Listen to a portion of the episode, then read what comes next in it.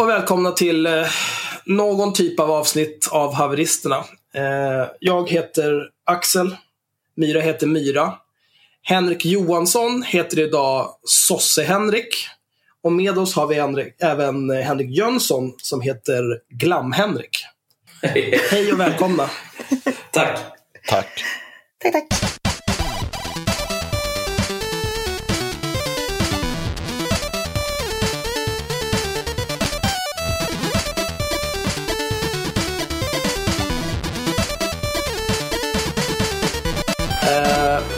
Vi ska idag diskutera allmänt kring eh, Henrik Jönsson, hans produktion och i synnerhet en video som han publicerade på Youtube för en dryg vecka sedan. Idag är det den 3 februari för övrigt.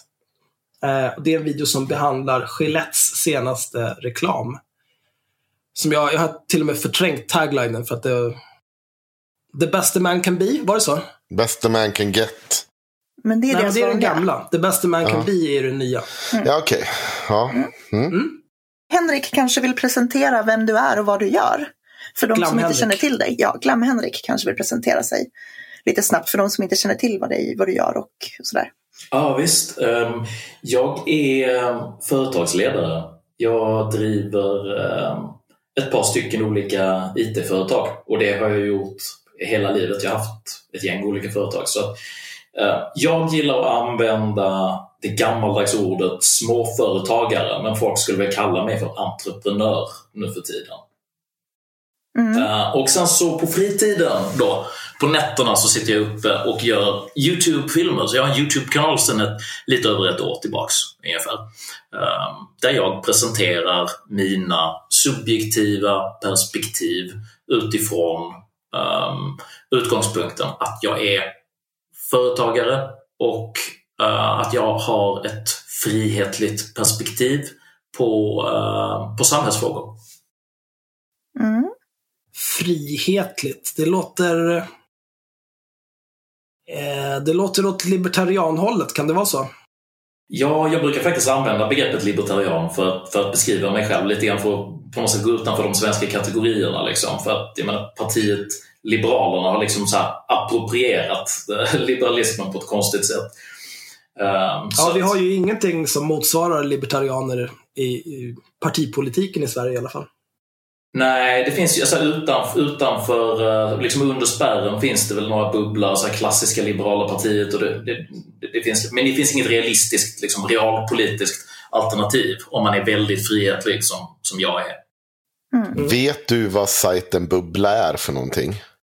Oj. Uh, det- jag tror det är typ en webbradio va? Ja, precis. De kallades ju libertarianer. Jag- upplever ju mest att alla libertarianer i Sverige är AFS-are idag och typ halvnazister. Ja, det, det kan jag inte riktigt med? svara för. Det, det kan jag inte riktigt svara för. Jag vet inte så himla noga. Men libertarianism för min del, eh, det handlar om att både du och jag bör ha så stor möjlighet som möjligt att inrätta våra liv så som vi vill ha dem utan att det ska förekomma centralstyrda edikt som, som styr liksom, på vilket sätt du vill organisera din egen tillvaro. Mm. Mm. Spännande. Eh, jag hoppas att i de tio snabba frågorna jag tänker eh, slänga på dig snart eh, ska få med lite av det. För jag har någonstans utgått ifrån att du är libertarian. Och det är ju basically ja eller nej frågor. Det är väl någon som är så här avskaffa eller behålla. Så jag hoppas att vi får lite bättre grepp om det. Så jag tycker att vi hoppar rakt in i den här skiten så sätter vi igång. Okej.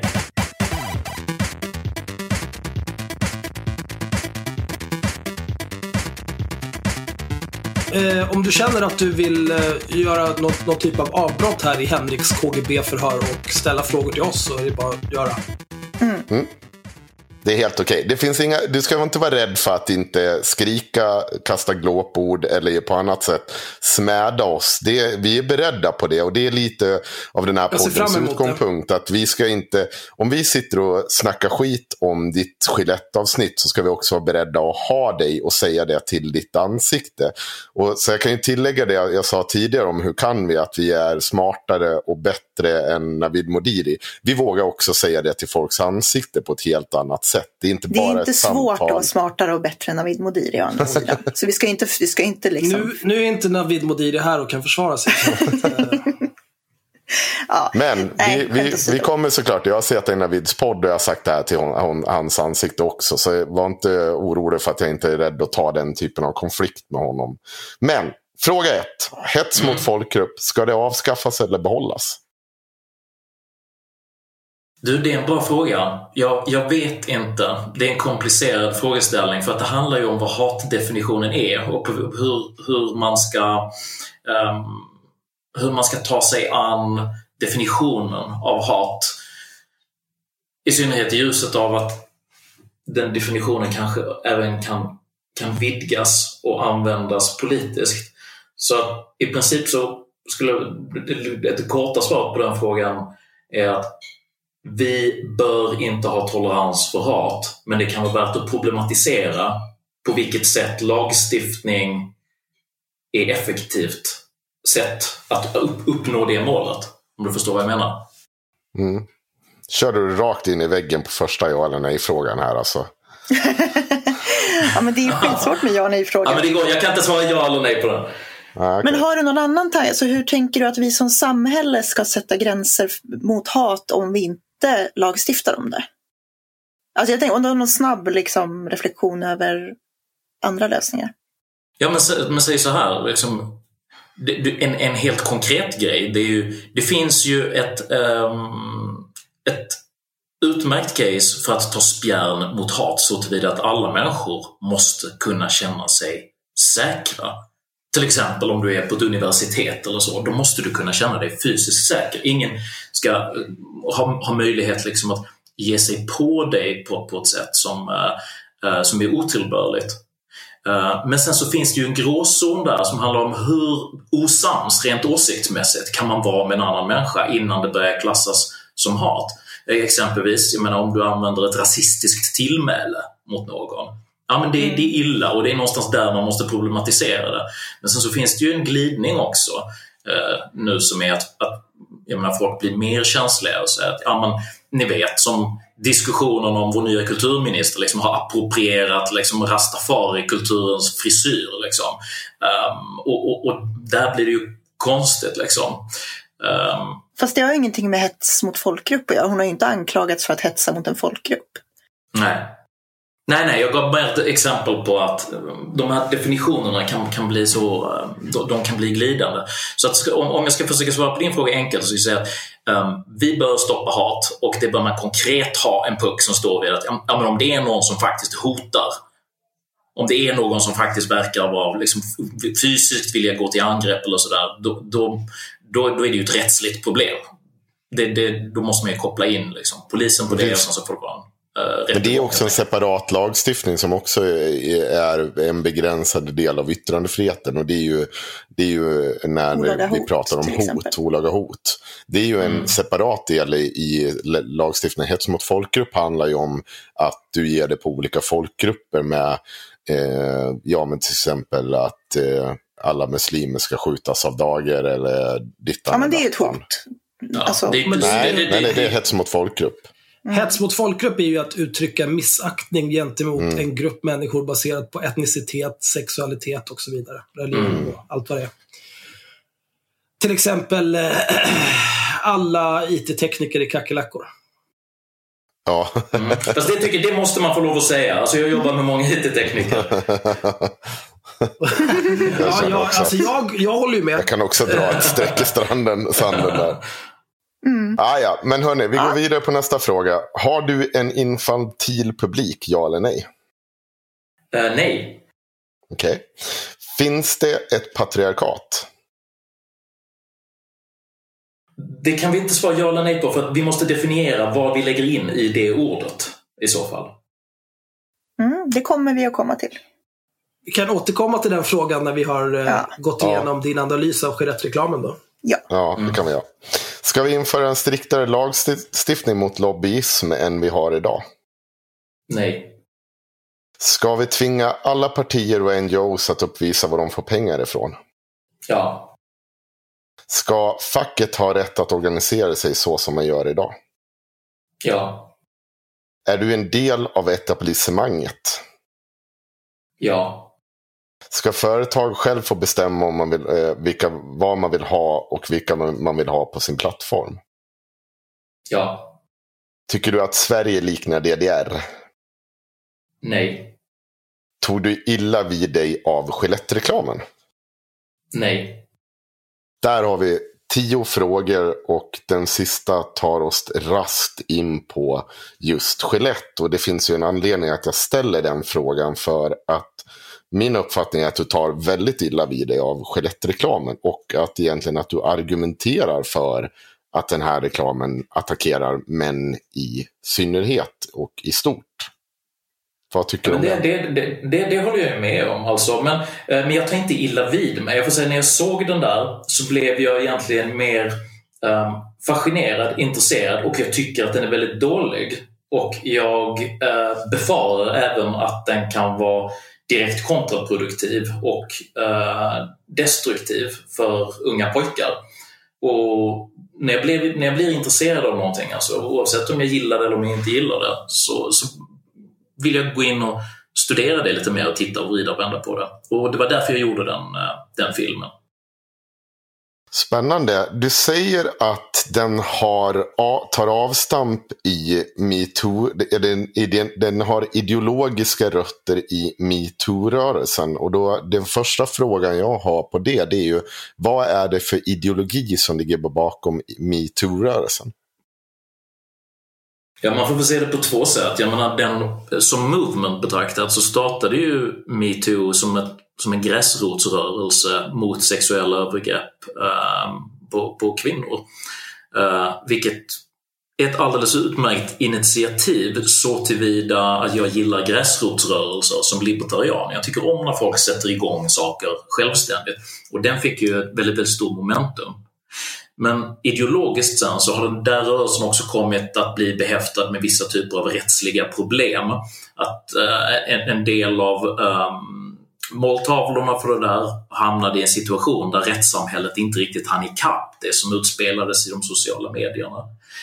Eh, och metoo-rörelsen har ju också inlemmats och i någon mån kommit att utgöra en del av den identitetspolitiska rörelsen som vi också kan prata om, som jag tycker är behäftad med ganska, ganska många betydande tillkortakommanden. Men du har fortfarande inte svarat på frågan. Vilka ideologiska, eh, eller vilken ideologi är metoo-rörelsen?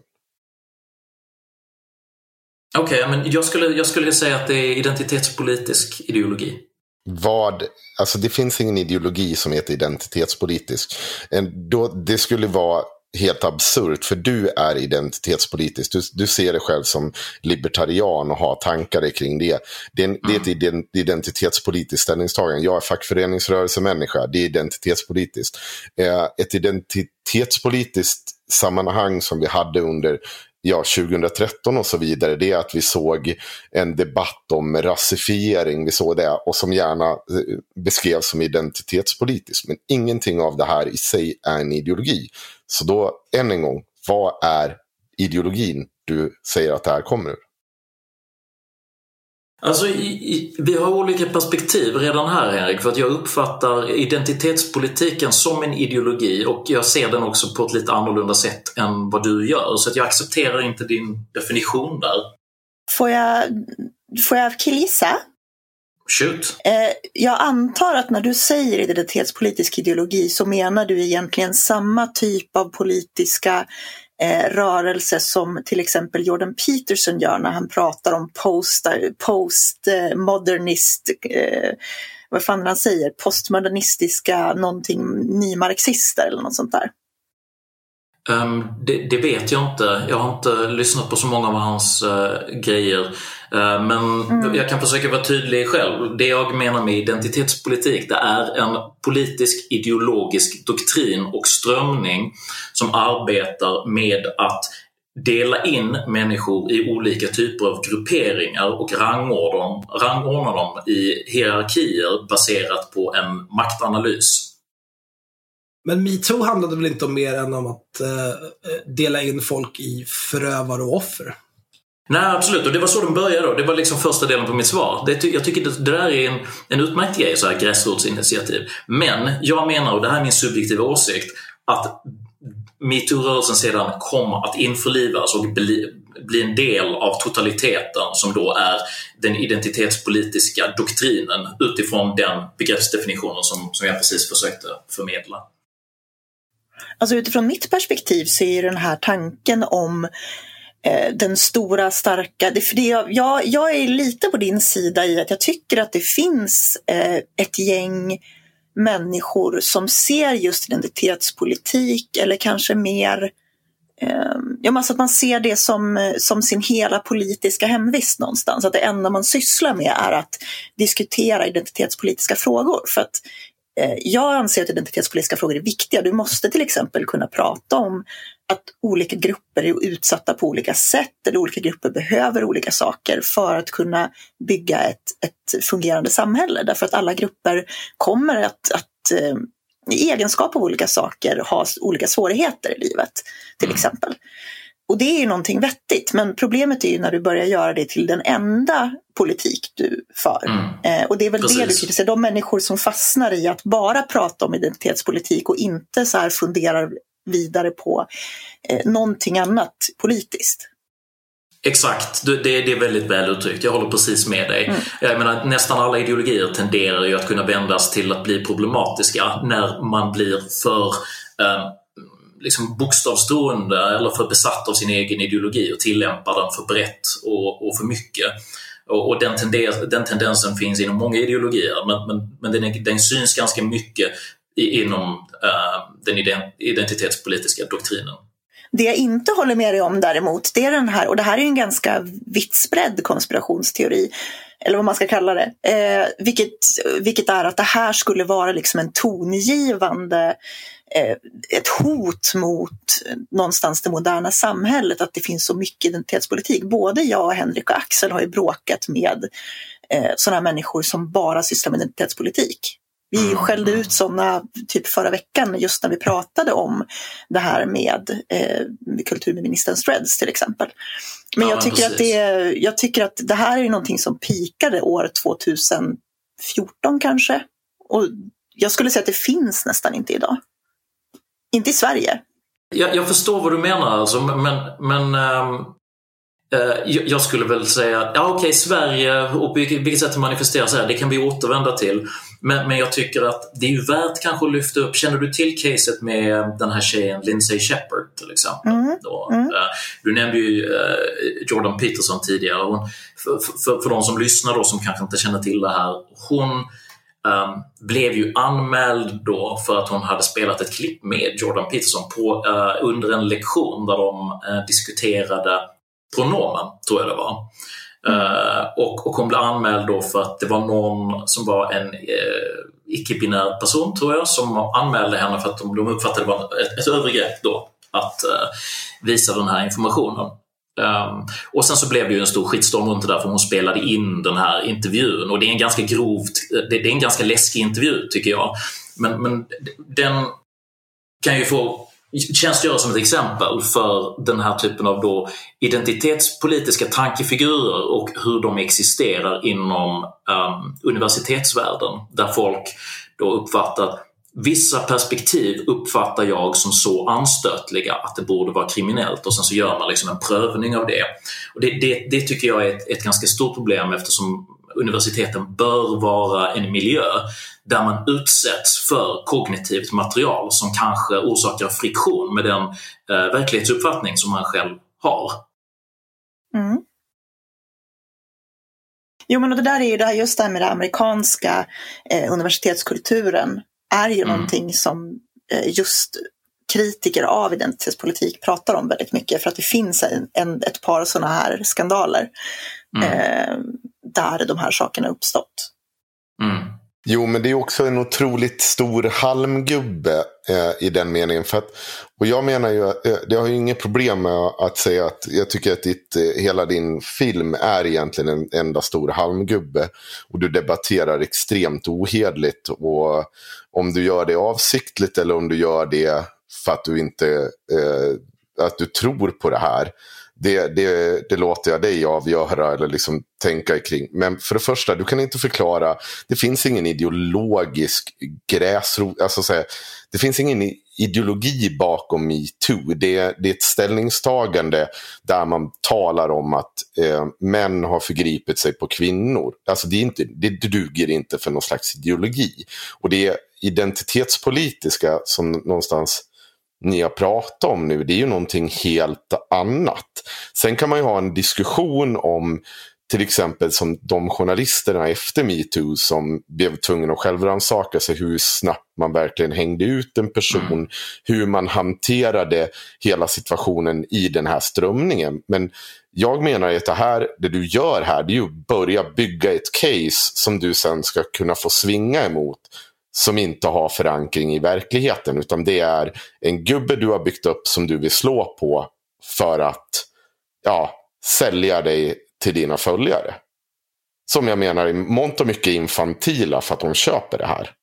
Alltså vi kommer ju komma in mer på, på var, var de här halmgubbarna finns. Jag tycker att um, Alltså jag tycker att just det här, det här kan jag köpa. Alltså hade du sagt en reklamfilm som blev inspirerad av metoo-rörelsen då hade jag köpt det. Liksom. För då hade det handlat om att du säger att metoo var en rörelse som lyfte just skadliga manliga beteenden och därför så vill man liksom lyfta det. Det hade jag inte haft något problem med att köpa, men det du säger att du säger nu egentligen, det är att den här reklamfilmen har sina rötter i identitetspolitik. Och det håller jag inte med om. Då tar vi en slutreplik från Glam-Henrik innan vi raskt går vidare till nästa punkt. ja. mm. Ja, nej, jag, jag har ingen speciell slutreplik. Alltså, vi, vi har lite olika perspektiv på det här. Men äh, min, min, kommentar är att äh, jag uppfattar det inte som, som att jag uppsåtligen försöker konstruera en halmgubbe för att ge mig på den. Utan jag anstränger mig för att, från mitt perspektiv, göra en problemformulering av någonting som jag ser som potentiellt faktiskt kan ha negativ inverkan på unga killar. Mm. Mm. Jag har en, eh, vad ska man kalla det, en reflektion gällande det här. Eh, om man tittar på, eh, den, ja, man ska kalla det debatt kring eh, Amanda, eh, nya ministern, hennes dreads. Mm. Det är ju en, eh, en diskurs som är helt och hållet importerad från USA. Där det är, du kan inte ha den här frisyren för du har fel hudfärg. Mm. Den typen av vansinne är ju inte egentligen en del av den svenska diskursen. Nej. På samma Nej, men det, har ju lite, det har ju blivit det nu. Det var ju jättekonstigt det där samtalet. Jag menar, om man kommer från mitt perspektiv då som libertarian så tycker jag att du ska väl få ha exakt vilken sinnessjuk frisyr du vill ha. Alltså, Absolut, jag håller helt med. Ja, vi, vi men, håller med. Men jag tycker men, inte att det här är något som existerar jag... i Sverige. Den här motrörelsen. Mm. Det, är, det är en ytterlighetsrörelse. Och samtidigt så, så, tycker jag att det är lite intressant att eh, om man ser det, den här typen av, du får inte ha den här frisyren för du har fel hudfärg. Det kommer ju oftast mm. från vänster identitetspolitiskt håll. Ja, och det var ju några som skrev, de skrev någon artikel eh, om det där i Expressen eller vad det var. Liksom, där det var någon som gjorde exakt den figuren och anklagade henne för, för uh, kulturell appropriering. Kulturell appropriering, ja. Och jag, jag, tycker att det är vedervärdigt att importera eh, amerikansk diskurs och applicera den på Sverige, för det är helt enkelt inte rimligt. Men jag märkte att du gör lite grann samma sak när du pratar om hur det är på amerikanska universitet. Eh, mm. Jag, jag, tycker mig ana lite grann att du, du hämtar eh, argumentation från det här med hur eh, safe space, definitionen ja, det, av det. Men det, det, det stämmer och, och det, det, hänger ju samman med två olika grejer. Uh, där det ena är att jag tror att den här typen av tankefigurer håller på att importeras från USA till Sverige och gestaltas i olika svenska frågor i allt högre grad. Där till exempel då kulturministerns frisyr kan vara ett, ett exempel på det. Och sen så är det andra att, att jag tillbringar rätt mycket tid i USA själv så att jag, jag är eh, ganska eh, förankrad i eh, liksom den anglosaxiska världens eh, problemställningar, kanske i högre grad än den svenska, själv som subjekt. Mm, Okej. Det, man kan ju inte säga att det här är någonting som anammas mer och mer. Det är ju vi som har varit mitt uppe i det eh, och, och sett och framförallt kanske ibland måltavlor för det säger ju att Mm. det har gått precis åt andra hållet. Det har ju, alltså, när Expressen Mm. släppte sin, sin artikel om den där jävla frisyren så fick de ju scrolla fram någon person med 68 följare som påtalade att det var eh, CIA. Hade det här varit 2013-2014 då tror jag att du hade haft ett eh, säkert ett 10, 20, 30-tal konton att välja mellan. Men det fanns inte då. Sen lyckas de hitta den här personen också som skrev en debattartikel om det. Men Ja, det, det finns ju en anledning till att politism är nedlagt. Liksom. Precis. Ja, men alltså för det är det här som är lite intressant. Att vi har ju kritiserat, eh, som, som Henrik säger, så har ju både han och jag varit engagerade i den antirasistiska, eh, antirasistiska rörelser. Och framförallt där så har ju vi varit ganska tydliga med att ta avstånd från den här typen av, typ, ja men det är rasism att ha dread som vit och så vidare och fått ta skit för det, framförallt Henrik. Och det har blivit mindre och mindre. Alltså, som Henrik säger, hade det här hänt för fyra år sedan, då tror jag att du hade haft politism som skrev 15 artiklar om hur, hur det här var CA. Du hade haft liksom en, en genomgående åsikt i media om att det här var så problematiskt. Så att, visst, det, vänstern importerade de här, eller vänstern om vi nu ska kalla det det, men den antirasistiska rörelsen eh, importerade från USA för fem år sedan. Men nu har liksom motparten börjat importeras i takt med att identitetspolitiska börjar dö ut. Så upplever jag det. Ja, alltså, men, men det, det är en god poäng och det, det är ju lite hoppingivande. Men för att, för att det, det, är mycket möjligt att, att du har rätt att det minskar och det är önskvärt att, att de attityderna faller bort. Men, men jag, jag ska nog problematisera lite grann egentligen. Um, för de där tankefigurerna har i viss mån då identitetspolitiska föreställningar. De har ju också börjat anammas av den, den extrema högern nu. Liksom. Det är på något sätt, släpper du in det där som ett mässlingsvirus i samhällsdebatten så, så tenderar det att sprida sig. Uh, jag, jag, vet inte om ni har liksom, tänkt på det, men de, den där typen av tankefigurer då som delar upp människor i olika typer av grupper och i princip säger att du kan inte kommentera på det här därför att du, har, liksom, du är inte rasifierad så du kan inte tala om den här frågan till exempel. Uh, jag, jag, tyckte aldrig om det. Uh, men, nu, kan man se motsvarande tankefigurer som ibland då kommer från hårt högerhåll. Att man igen liksom använder samma metod liksom, som, som går tillbaks mot... Jo, fast jag menar nazister och rasister har ju alltid varit de största identitetspolitikerna. Ja, så att, jag menar, de, de har inte börjat ta fart där nu, utan det är väl snarare att vi kanske har flyttat debatten högerut, skulle jag säga. Så att de får mer plats. Det man ser där är väl också framförallt den här importen, direktimporten från USA. Av Ja. i princip allt. Allt ifrån kulturella uttryck med eh, Peppe-memes och retrowave och allt vad det är för dumheter.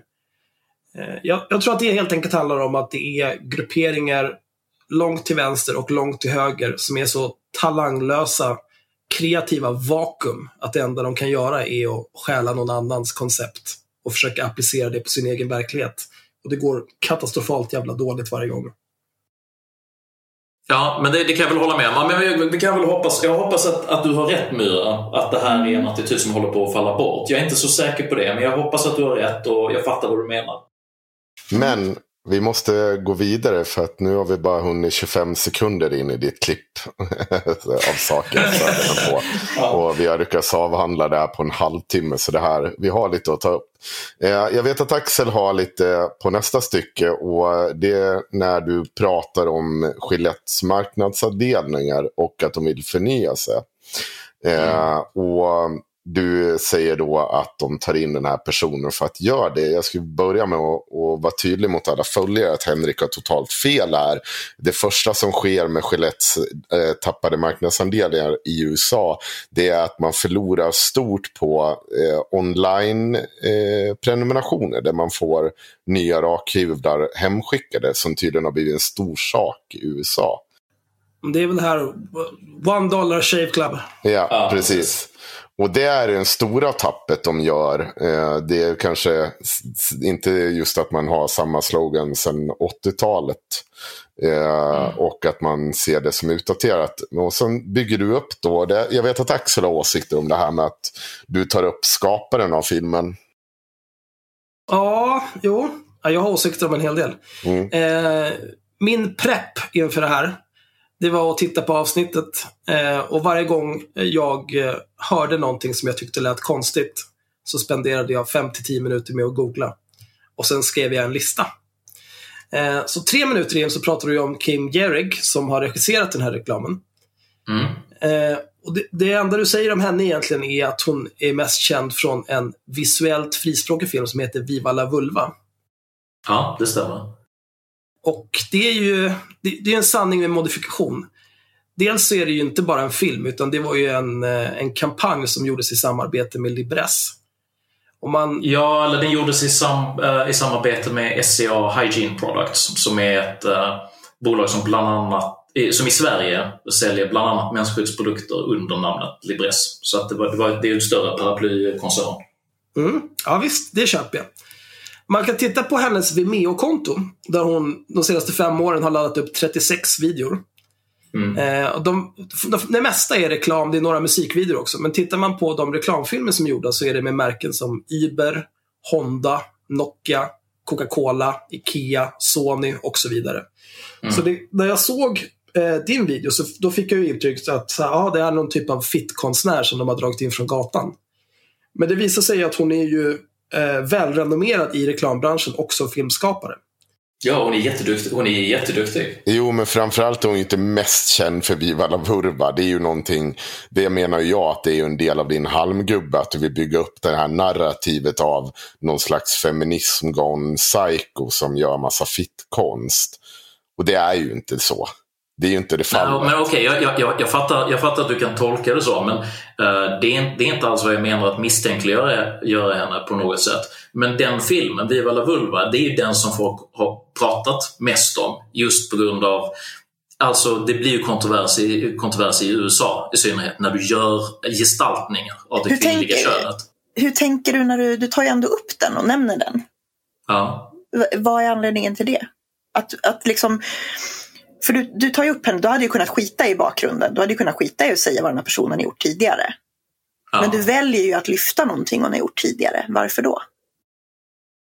Nej, Det var mest, om jag ska vara helt ärlig, det var när jag satt och gjorde research på det där så visste jag inte så mycket om henne. Så då läste jag på så hittade jag den filmen. Eh, Och jag tyckte att den, eh, det var intressant eftersom det var en kontrovers runt den. Så jag tänkte att det var en kompletterande bild att ha med. Dessutom är det ju ett, ett sjukt snyggt foto. Jag vet inte om ni, om ni kommer ihåg, jag tror att den biten jag har med i filmen det är liksom eh, en sån här tropisk uh, Någon slags korall.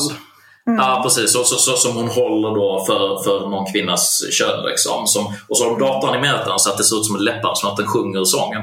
Så det var väl mest det att jag tyckte det hörde till briefen om henne. Det är den som har varit snackisen innan och den var sjukt visuellt snygg så den passade i filmen. Så det var därför jag lyfte in den. Men det ger ju lite intrycket av att det här är någon sorts menskonstnär typ som de har tagit Ja. in. Framförallt Mer så är det att... så här, Henrik, jag måste, säga, jag, måste, jag måste bryta in det. För 25 sekunder senare så säger du så här. Eh, att det, måste, man, det fordras, eh, fordras ett förståelse för den moderna genusvetenskapen om man ska förstå ställningstagandet som Gillette gör. Och jag vet inte riktigt om jag, jag, jag I call bullshit om att du inte visste exakt vad du gjorde när du la in det här. För det första så finns det ingenting, jag har gått igenom henne, det finns en hel del snackisar kring henne och jag är inte övertygad om att Viva la Vulva är den största. Det är lite svårt, ingen av oss, det kan vi bara killgissa om hur de har fått igen. Men det, hon har ju fått gjort en hel jävla del innan dess också. Så att hon har inte på något sätt varit okänd. Eh, I alla fall inte inom reklambranschen och så vidare.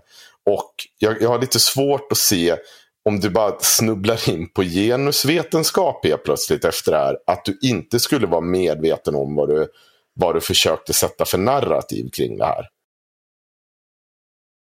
Ja, alltså jag vet inte vad hon har varit med i mer för, för snackisar. Men, Nej, men då, då, då kommer det så här, men vänta nu. Absolut, om du kan inte säga så och sen komma med påståendet det här är hon mest känd för. du, om du inte vet någonting om hennes bakgrund, som jag lärde Mm. mig på tio minuter att det fanns en hel del i hennes bakgrund. Då kan du inte heller Mm. droppa det påståendet. Och jag menar Nej, ju... men, men, men, men jag får, får jag pausa dig Ja. lite där? Alltså, som, som jag sa tidigare, när jag gjorde min mikroresearch på henne efter bästa förmåga, så eh, det som dök upp var den filmen var det som det fanns flest samtalstrådar om. Och det var också den filmen som hon blev liksom citerad av i press i USA för, för att amerikanerna tycker det är kontroversiellt. Och det var därför jag lyfte upp den. Ja. Jag, menar nog att, eh, och det får, vi kommer ju gå igenom det här tid för tid. Men det är ju det här du lägger upp, eh, det är här din halmgubbe drar igång med, genom att poängtera den här filmen och sätta narrativet av att det finns någon slags genusflum bakom hela anledningen. Ja, det är en feministisk agenda som Ja, där man har anlitat en, en eh, mäns, fast det är inte en mänskonstnär, men det är närmast det jag kommer att beskriva i kontexten. En mänskonstnär som har gjort eh, filmer om fittor och, och sen så gå direkt över till att man måste förstå genusvetenskap om man ska förstå ställningstagandet. För där, där kopplar det ihop det att hon skulle vara någon sorts genusvetenskaplig eh, någon sorts genusvetenskaplig konstnär i det här fallet. Eller regissör av skaparfilmen. Nej, när, när jag säger att man behöver förstå grundläggande genus eh, politisk eh, nomenklatura, det handlar om Gillettes film.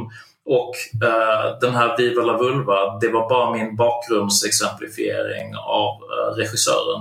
Jag, jag förstår att ni, att ni liksom vill göra den här kopplingen men, eh, och det kanske var ett misstag att lägga upp det så men det var inte något uppsåt att på något sätt göra någon slags reduktionism för att hon är framgångsrik.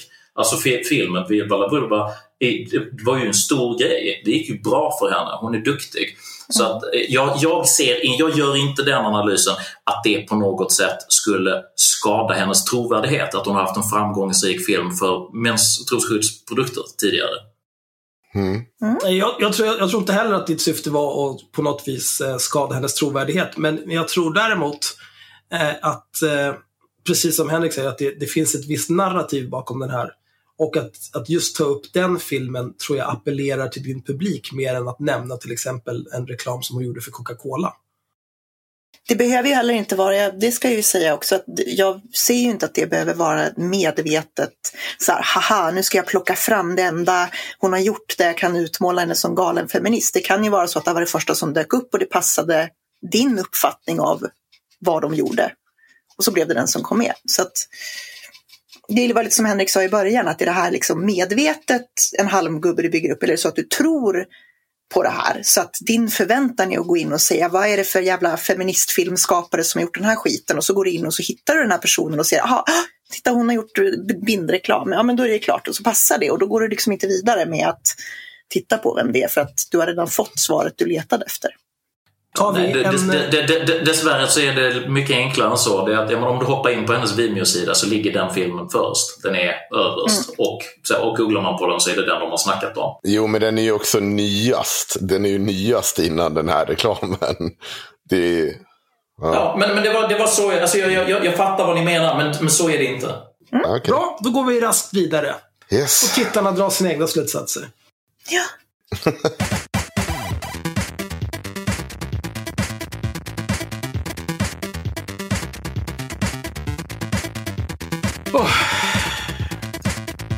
Är, det meningen att jag ska fortsätta Ja, här nu på min Det är din punktlista? tur nu, Axel. Du har åsikter.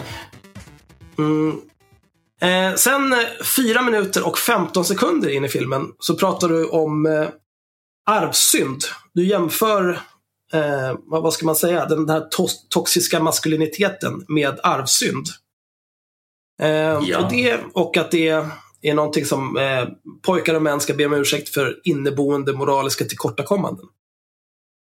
Eh, och jag, jag ställer mig skeptisk till användandet av eh, arvsynd som begrepp här. För att det, det jag ser som, jag personligen har inga problem med att acceptera att patriarkatet är en grej. Men, men jag ser det som så, vilket jag också tror är den gängse uppfattningen, att patriarkatet som eh, företeelse är till nackdel för både män, kvinnor, pojkar och flickor. Det vill säga att både män, kvinnor, pojkar och flickor skohornas in i roller de inte nödvändigtvis vill ha. Mm. Och av den anledningen så menar jag att eh, arvsynd är en, ett orimligt koncept att applicera på det. Eftersom det, det antyder ju att det på något vis skulle vara männen eller pojkarnas fel. Via arv visserligen, men ändå deras fel. Det är det ju inte, utan alla är ju offer under patriarkatet. Eftersom alla begränsas. Hur ställer du dig till det? Jag, jag, jag, tror att vi måste dela upp den här frågan egentligen i två olika bitar. Och jag vill börja med den andra delen bara för att diskutera arvsynden och sen så kan vi gå tillbaks till den första där jag tänker att vi måste börja definiera begreppet patriarkatet för att kunna tala om det så att vi förstår varandra. Mm. Uh, men, men, om vi pratar om arvsynden i separation så använder jag ju den som en, uh, som en metaforik för att beskriva ett tillfälle när du tilldelas i kraft av att bara födas moraliska tillkortakommanden som du inte själv kan påverka. Alltså det har inte att göra med din agens utan det har att göra med då den identitet eller den grupp du tillhör som du tilldelas eh, per automatik. Och som, som libertarian så, så tar jag, eh, jag tar strid med den idén att man inte ska få lov att skapa sin egen identitet utan att den ska tilldelas en utifrån. Uh, och den kopplingen mellan arvsynd i den mån det är liksom någonting som man tilldelas utan att kunna påverka, uh, den blir rimlig i kraft av vad jag lägger in i patriarkatsdefinitionen. Om, för, förstår ni vad jag menar? Mm. Då? Det förstår jag mm. absolut. Men, men min första liksom, så här, sammanfattande av den här videon handlar ju om att du kan påverka din situation och att du bör påverka din situation. För det tror jag inte att vi kan vara oense om. Hela reklamen går ju faktiskt ut på att du kan säga nej till dåligt beteende. Du kan göra på ett annat sätt. Du kan vara en annan typ av man. Så att det är ju mm. inte någonting som är fast i sten. Därav också att arvsynden blir liksom otroligt dumt att slänga in i det här. Dels för att det inte är ett, precis som Axel sa, inte stämmer in.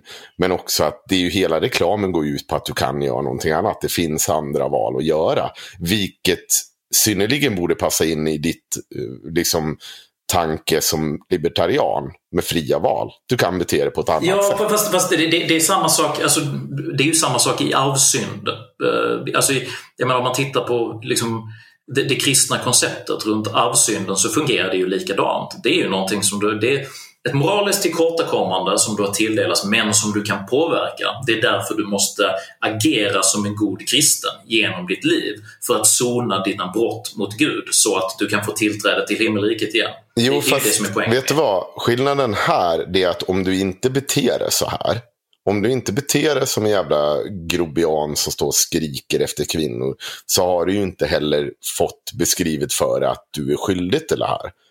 Alltså det är ju ingen som säger att du i den meningen har någonting medfött som, som är liksom, om du, och hur, hur ska jag säga det? Alltså det är ingen som hävdar att män föds som eh, kattkolande grobianer. Nej. Tvärtom så säger man ju att det är någonting som fostras in i män och någonting som man vill sluta fostra in i män.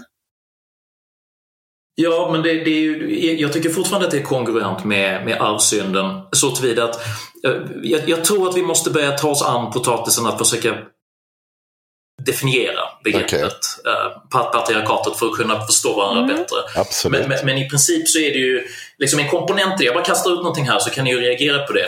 I, i, I princip så uppfattar jag en del av det här, det är då att destruktiva attityder för eh, både män och kvinnor men som manifesteras i form av um, olämpliga beteendemönster hos män överförs från generation till generation, huvudsakligen omedvetet men internaliseras på ett sätt för att vi, vi, vi är nedsänkta i, i en kultur som präglas av de här strukturernas um, manifestation. Mm. Uh, och, och då, då löper det här från generation till generation. Liksom. Så att när du kommer upp, även om, även om du som, som man kanske hade de bästa föresatser, så har du ändå överfört en del av den här patriarkala doktrinen till nästa generation i kraft av att det är omedvetet, det är automatiska strukturer och därmed har du också dömt din kommande generation till moraliska vilka är, det som, vilka är det som säger så? Det är jag som säger det. Mm. Jo, men jag menar, du säger ju att det är så här du uppfattar att patriarkatet är. Var, vad bygger ja. du den uppfattningen på?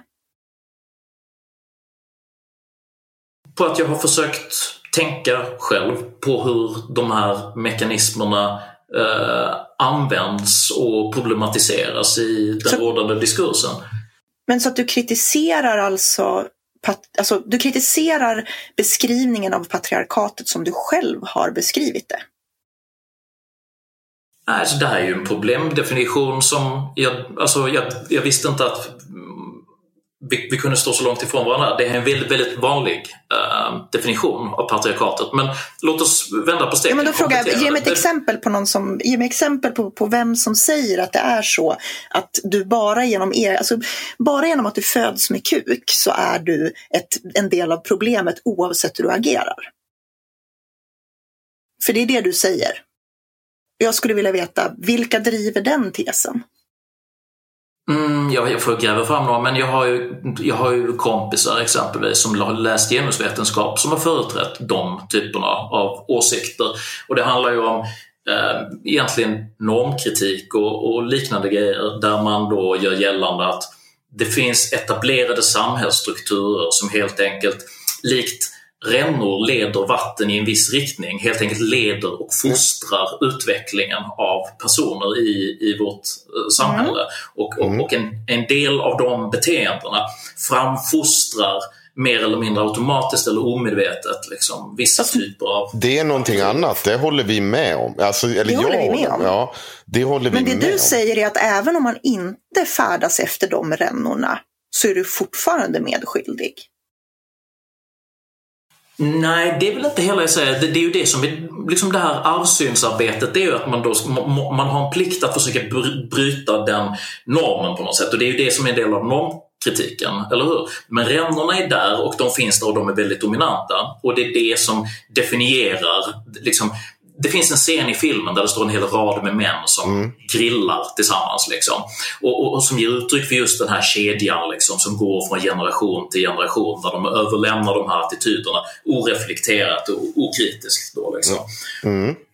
Det är, det, det är en tolkning av det. Men, men jag tänker ju så här. Jag måste ju ändå så ställa en, en fråga. Eh, fram tills, bara i Sverige, om vi tittar på Sverige som land. Fram tills början på 1900-talet, nu, nu vill jag inte säga, för jag kommer inte ihåg datumet eller år, årtalet, när kvinnor fick rösträtt. I mm. alla år, i alla generationer, så har vi, även om utvecklingen har gått åt ett positivt håll gällande jämställdhet mellan könen. Så det, det, ju, det blir ju lite smått absurt. För att om vi bara backar bandet hundra år så har det ju, det, det, du säger som inte har existerat. Så, alltså, du kan ju inte säga att det inte har existerat. Vi har ju liksom vi haft lagar där kvinnor inte får arbeta. Vi har haft eh, lagar som säger att kvinnor inte är lika mycket värd som en man. Och det här är ju någonting som rent historiskt, så länge tillbaka vi kan mäta vår historia, så har män varit överordnade kvinnor. Inte bara i form av att liksom, vi kan spöa en kvinna. Utan att vi har haft faktiskt lagstiftning som säger att kvinnor är mindre värda, mindre tänkande och så vidare. och så vidare. Om inte det, den grupp, alltså att det skulle tvättas bort till noll på hundra år. Det är ju en smått absurd tanke. Det är väl klart att det finns saker som hänger kvar och omformas och Även om jag tror att samhället i stort är på väg åt ett annat håll. Men du kan ju inte påstå att det inte har varit ett att patriarkatet, det vill säga att män är överordnad kvinnor i olika former vid olika tillfällen. Sen, sen är det såklart att vi kan sitta och diskutera hur det ser ut på svensk arbetsmarknad idag, lönesättning eller hur det ser ut i parrelationer och sånt. Det, det kan man ha olika åsikter. Men att den patriarkala strukturen, att män har varit överordnade kvinnor, den har funnits där i alla tider och är än idag inte borttvättad. I Sverige har vi gått väldigt långt åt rätt håll. Men om vi tittar på Indien, vi tittar på Kina, vi tittar på andra eh, länder runt om i världen. Ja, så, så finns det nu i allra högsta grad kvar. Och det finns gott om länder där lagstiftningen ofta är till negativt utfall mot kvinnor. Så hur kan du inte säga att inte det här finns kvar? Hur kan inte det här inte påverka samhället i stort?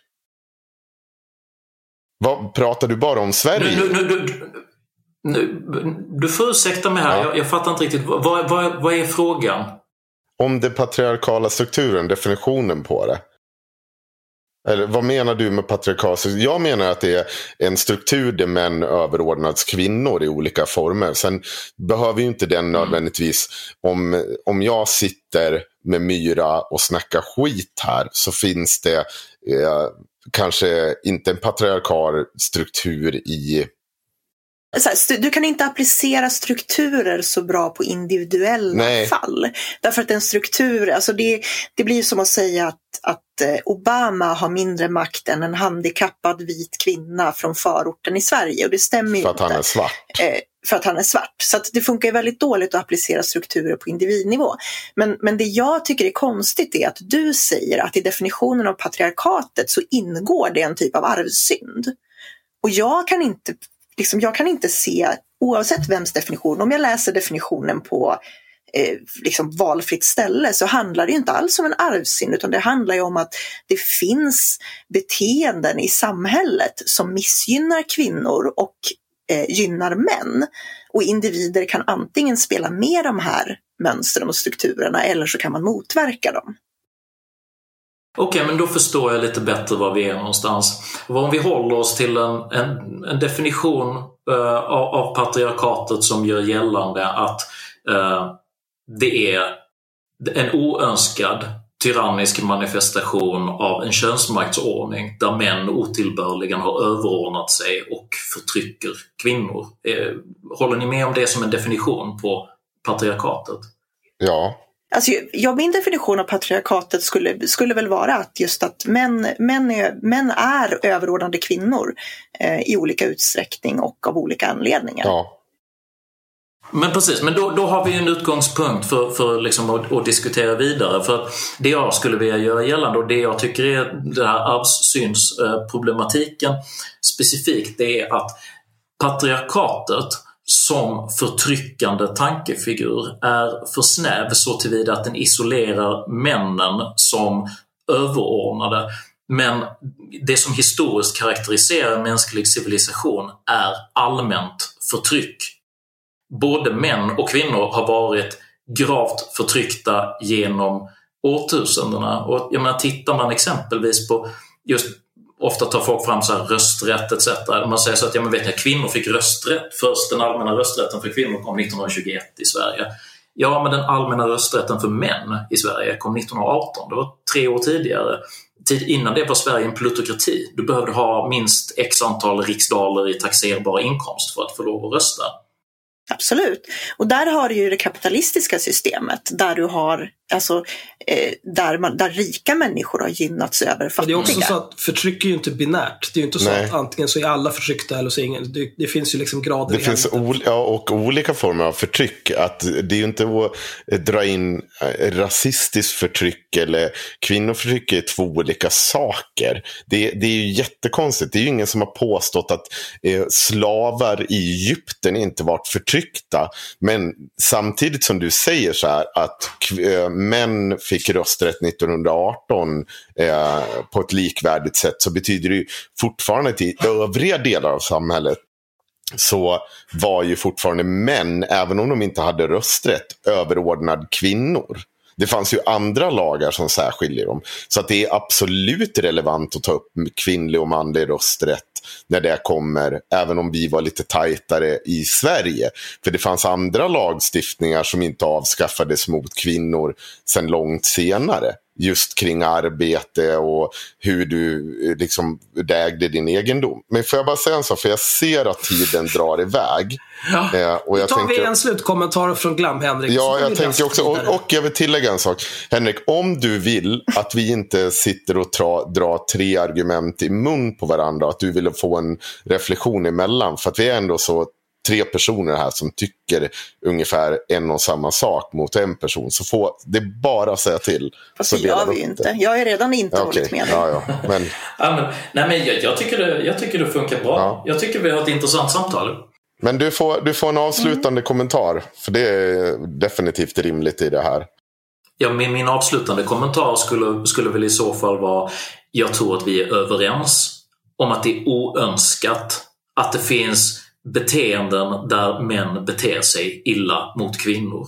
Jag tycker att det är önskvärt att män lär sig bete sig på ett civiliserat sätt mot alla människor. Men jag vill problematisera och vidhålla att definitionen av att vår civilisation skulle huvudsakligen karaktäriseras av ett förtryckande patriarkat som förfördelar män konsekvent, eller förfördelar kvinnor konsekvent på, på eh, Ehm, till männens fördel. Ehm, jag tror inte att det stämmer.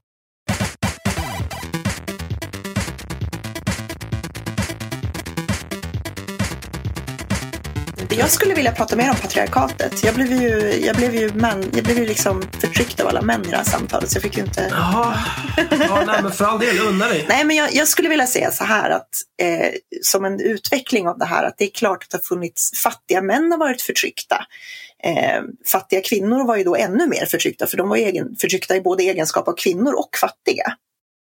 Det är det här som är liksom en intersektionell analys, vilket är att så här, Obama till exempel är visserligen svart, vilket gör honom mer förtryckt än en vit person, men han kan ju samtidigt vara rik, vilket gör honom mindre förtryckt. Så det är inte så att man kan liksom du kan inte indela samhället på individnivå efter och, och tävla i förtryck det misstaget tycker jag att man gör om man säger, om man säger att ah, men patriarkatet finns inte. För att det finns ju män som varit utsatta.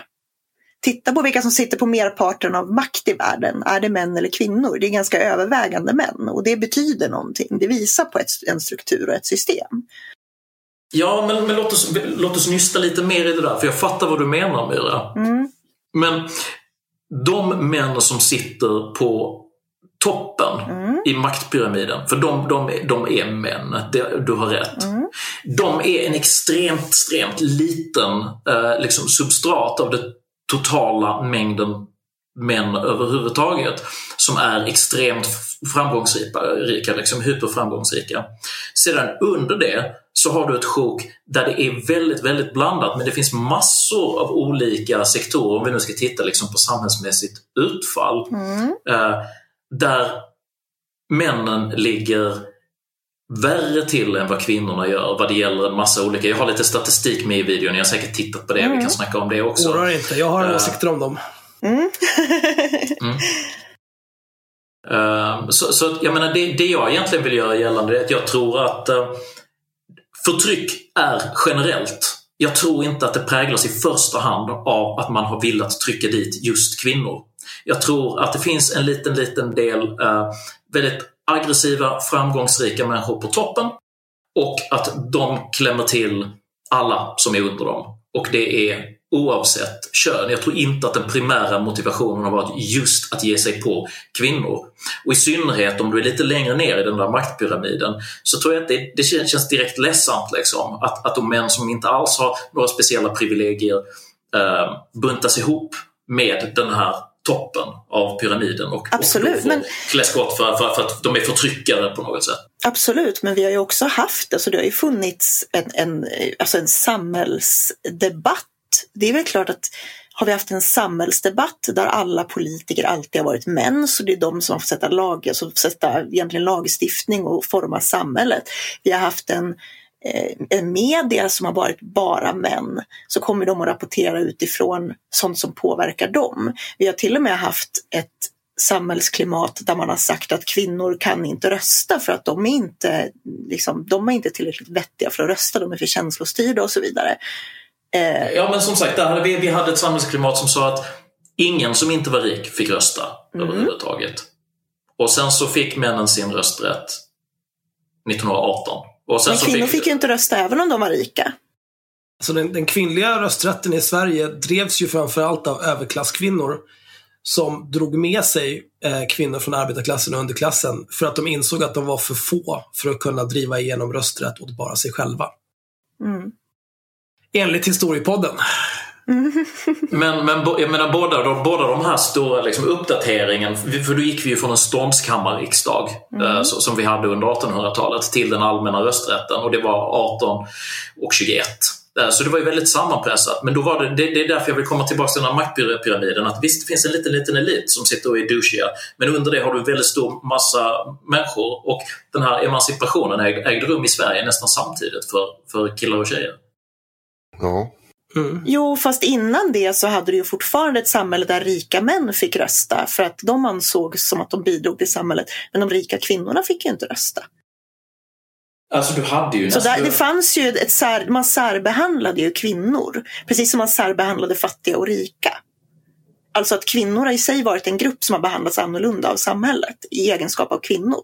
Ja, det är ju kontraproduktivt att bete sig på det sättet därför att du tillvaratar Absolut. inte kompetens om du inte låter folk ha liksom, opportunity att lära sig liksom, olika färdigheter och uttrycka dem på ett sätt som är, är värdeskapande. Det, det är destruktivt. Och jag menar, att göra rationalistiska analyser säger det som är eh, liberalism för mig som libertarian, det innefattar majoriteten av de idéer som jag tycker är, liksom, låter bra när folk pratar om feminism. För det handlar om att ja, men det, det ska vara irrelevant vem du är, var du kommer ifrån, utan meritokratiskt baserat på vad, vad, du gör, vad du lyckas producera och sen så kan du inrätta ditt liv fritt. Men då har jag en alla Kör. Ja, nej men jag har en följdfråga på det. Du säger att det är vad du presterar som spelar roll. Men säg mm. att vi då kan identifiera saker i samhället som gör det svårare för kvinnor att prestera på olika sätt. Är du då okej okay med att man sätter in stöttande åtgärder som vänder sig specifikt mot kvinnor eller specifikt mot människor som eh, till exempel har invandrarbakgrund? Om det är så att de möts av svårigheter som inte eh, alltså en invandrarkille från, en, en ensamkommande kille från Afghanistan kommer att stöta på svårigheter i arbetslivet som jag inte stöter på till exempel, som är unika för honom och hur han blir bemött. Okej, okay, jag fattar vad du menar. Eh, jag, jag, tror så här, jag, jag, tror att det är... Eh, jag förespråkar ju eh, level playing field helt enkelt. Att, till exempel om vi har uttalade eller outtalade regler mm. som gör att det blir svårare för Liksom, om du är homosexuell så kan du inte göra vissa saker, du får inte tillträde till vissa typer av samhällsfunktioner eller, mm. eller så. Ja, stort problem, måste åtgärdas. Den typen av liksom, otillbörliga murar i samhället eh, bör vi inte ha. Eh, däremot så tror jag att man ska eh, inte ge sig på att försöka korrigera eh, utfallsanalysen. Eh, så att man, man tittar på, okej, okay, var hamnar folk i livet? Okej, okay, du blev inte lika rik. Okej, okay, då måste vi gå in och se till att justera lönerna och ge sig in och manipulera ekonomin. Fast här kan det ju handla om, man... alltså dagis till exempel, dagisreformen var ju en sån grej där man såg att kvinnor kommer liksom inte ut och kan tjäna pengar och då blir de ju offer. Alltså har du inte någon inkomst så är du ju utlämnad till din man som har pengar. Och därför så säger man att då har vi dagis. Och det här innebär att man kan lämna barnen på dagis och man kan ha ett eget jobb. Och ekonomisk frihet skapar ju frihet. Mm, det håller jag med om. Jag har inget emot dagis. Nej, men det är en sån utjämnande åtgärd. För där hade man ju, enligt din argumentation, hade man kunnat säga Ja, men vad då? mamman väljer ju att vara hemma med barnen. Pappan kan väl vara hemma halva tiden så kan hon jobba halva tiden. För hon hade ju valt jag att vara hemma med barnen. Det jag tycker det är en god idé att det finns dagis till exempel uh, som, som ett alternativ som man kan välja att nyttja om, om, man, om man vill och välja att inte använda om man inte vill. Att uh, folk gör olika typer av livsstilsval. Mm. så såklart, absolut. Men, men ehm, jag menar, dagis finns över hela den fria parlamentariska västvärlden uh, och, och, kan liksom drivas på en mängd olika sätt. De jag menar, kindergartens uh, de fanns ju, det var ju under Otto von Bismarck som de första kindergartens startade. Det, det är därför det fortfarande mm. kallas för kindergarten i den engelskspråkiga världen. Och de, de uppstod ju av att det plötsligt fanns ett behov av dem. Och det var för att fler kvinnor började röra sig ut i arbetslivet. Och det var, där var ju under den tidiga industrialismen. Liksom. De ville ju att eh, tjejerna skulle vara med och bygga bomber. Ja, precis. Jag tänkte säga det. Nu är du ute på riktigt djupt vatten. För då, det här är ju också så jävla sinnessjukt. För här blir det ett brist på män som för att man blir tvungen att sätta in dem i ett världskrig. Och man inser att nej, vi mm. behöver nog ha ut kvinnorna på arbetsmarknaden. Men då behöver vi också någon som tar hand om barnen. Det är ju knappast en progressiv reform man gör. Utan en behovsgrej man gör för att man håller på att föra krig över halva jävla jordklotet. Mm. Och det, det, men, det, är riktigt jävla tunn is du är ute på i diskussioner om... Det var ju om, samma sak ja. under andra världskriget också. Ja. Och, och det som till slut ledde till att kvinnor kom ut på arbetsmarknaden. För att de skötte allting under, under kriget. Du förespråkar ett lev level playing field. Jag säger att för att få ett level playing field kanske man ibland måste sätta in åtgärder som lyfter vissa grupper för att de ska komma upp på samma nivå som alla andra. Håller du med om det eller håller du inte med om det? Jag tycker att du har ett legitimt perspektiv uh, och det är ju det perspektivet som socialister företräder. Jag menar, vi står ju på varsin sida av den höger-vänster-skalan så att säga och jag förstår hur ni resonerar. Det här var det snyggaste sättet jag har hört någon säga “jag hör vad du säger”. Legitimt perspektiv betyder inte ett jävla skit. Frågan är väldigt, håller, håller du med, med eller håller du inte med? Svara på frågan. Nej, jag, jag, jag, jag tycker inte att staten ska lägga sig i Nej. den typen av bra. grejer. Jag tror på marknadslösningar. Bra, bra, men då förespråkar du inte ett level playing field utan du förespråkar ett playing field som är på samma ställe och att personer sen börjar på olika ställen i den här eh, hierarkin. Det spelar ingen roll. Nej, nej, inte riktigt. Jag tror inte att driftsformen är så betydelsefull. Jag, tror, jag, tror mycket, jag har en tilltro till marknadskrafternas förmåga att lösa problem. Så att när det uppstår efterfrågan på någonting eh, så uppstår det alternativ som, som tar hand om de processerna. Och då har, jag, då har jag en invändning direkt. Om vi då vet att män sitter på den största ekonomiska makten i samhället så kommer de också i och med marknadskrafterna att styra efterfrågan. Därför att det är de som har störst konsumtionsmakt. Och det innebär att vi då skapar ett samhälle som skapas av efterfrågan och efterfrågan styrs till största del av de med störst ekonomisk eh, makt, det vill säga män. Ja, men det är inget problem därför att marknadsekonomin är mer dynamisk än så. Alla nischer är intressanta. Eh, det är så att det är klart att det finns alltid en bred konsumtionsflora där det stora kapitalet finns, där du kan ha liksom högmarginalprodukter som riktar sig till ett brett och kapitalintensivt segment. Men det är lika, lika intressant. Många av mina egna bolag identifierar mindre segment där det är mindre konkurrens och man kan ha specialiserade tjänster som svarar mot ett marginaliserat behov. Mm. Så, att, så att jag, jag, tror de mekanismerna kan eh, trigga lösningar för en mängd helt olika livsstilsval på olika delar mm. eh, i samhällskroppen. Visst, och, och den sammantagna summan av alla de här aktörerna påverkar och förändrar hela sam samhället i en riktning som tenderar då att försöka liksom Pareto-optimera eh, liksom hur kapitalanvändningen ser ut så att vi blir effektivare som civilisation. Mm. Så jag, jag, tror att marknadskrafterna, eh, frihet, liberalism är detsamma som utveckling och, av vår civilisation. Jag tror de går hand i hand. Och med de orden tänker jag att vi går vidare i huvudspåret här som är din film så vi hinner med. Vi vet att vi har lite tidsbrist här. Så jag vill inte snäsa mm. av dig Myra utan det är mer för att vi fan ska hinna Nej, nej jag skulle precis säga att här går ju våra ideologiska höger-vänster-åsikter ja. helt åt. Så där, där kommer vi nog inte komma någon vart. Så det är bara ja. att gå vidare.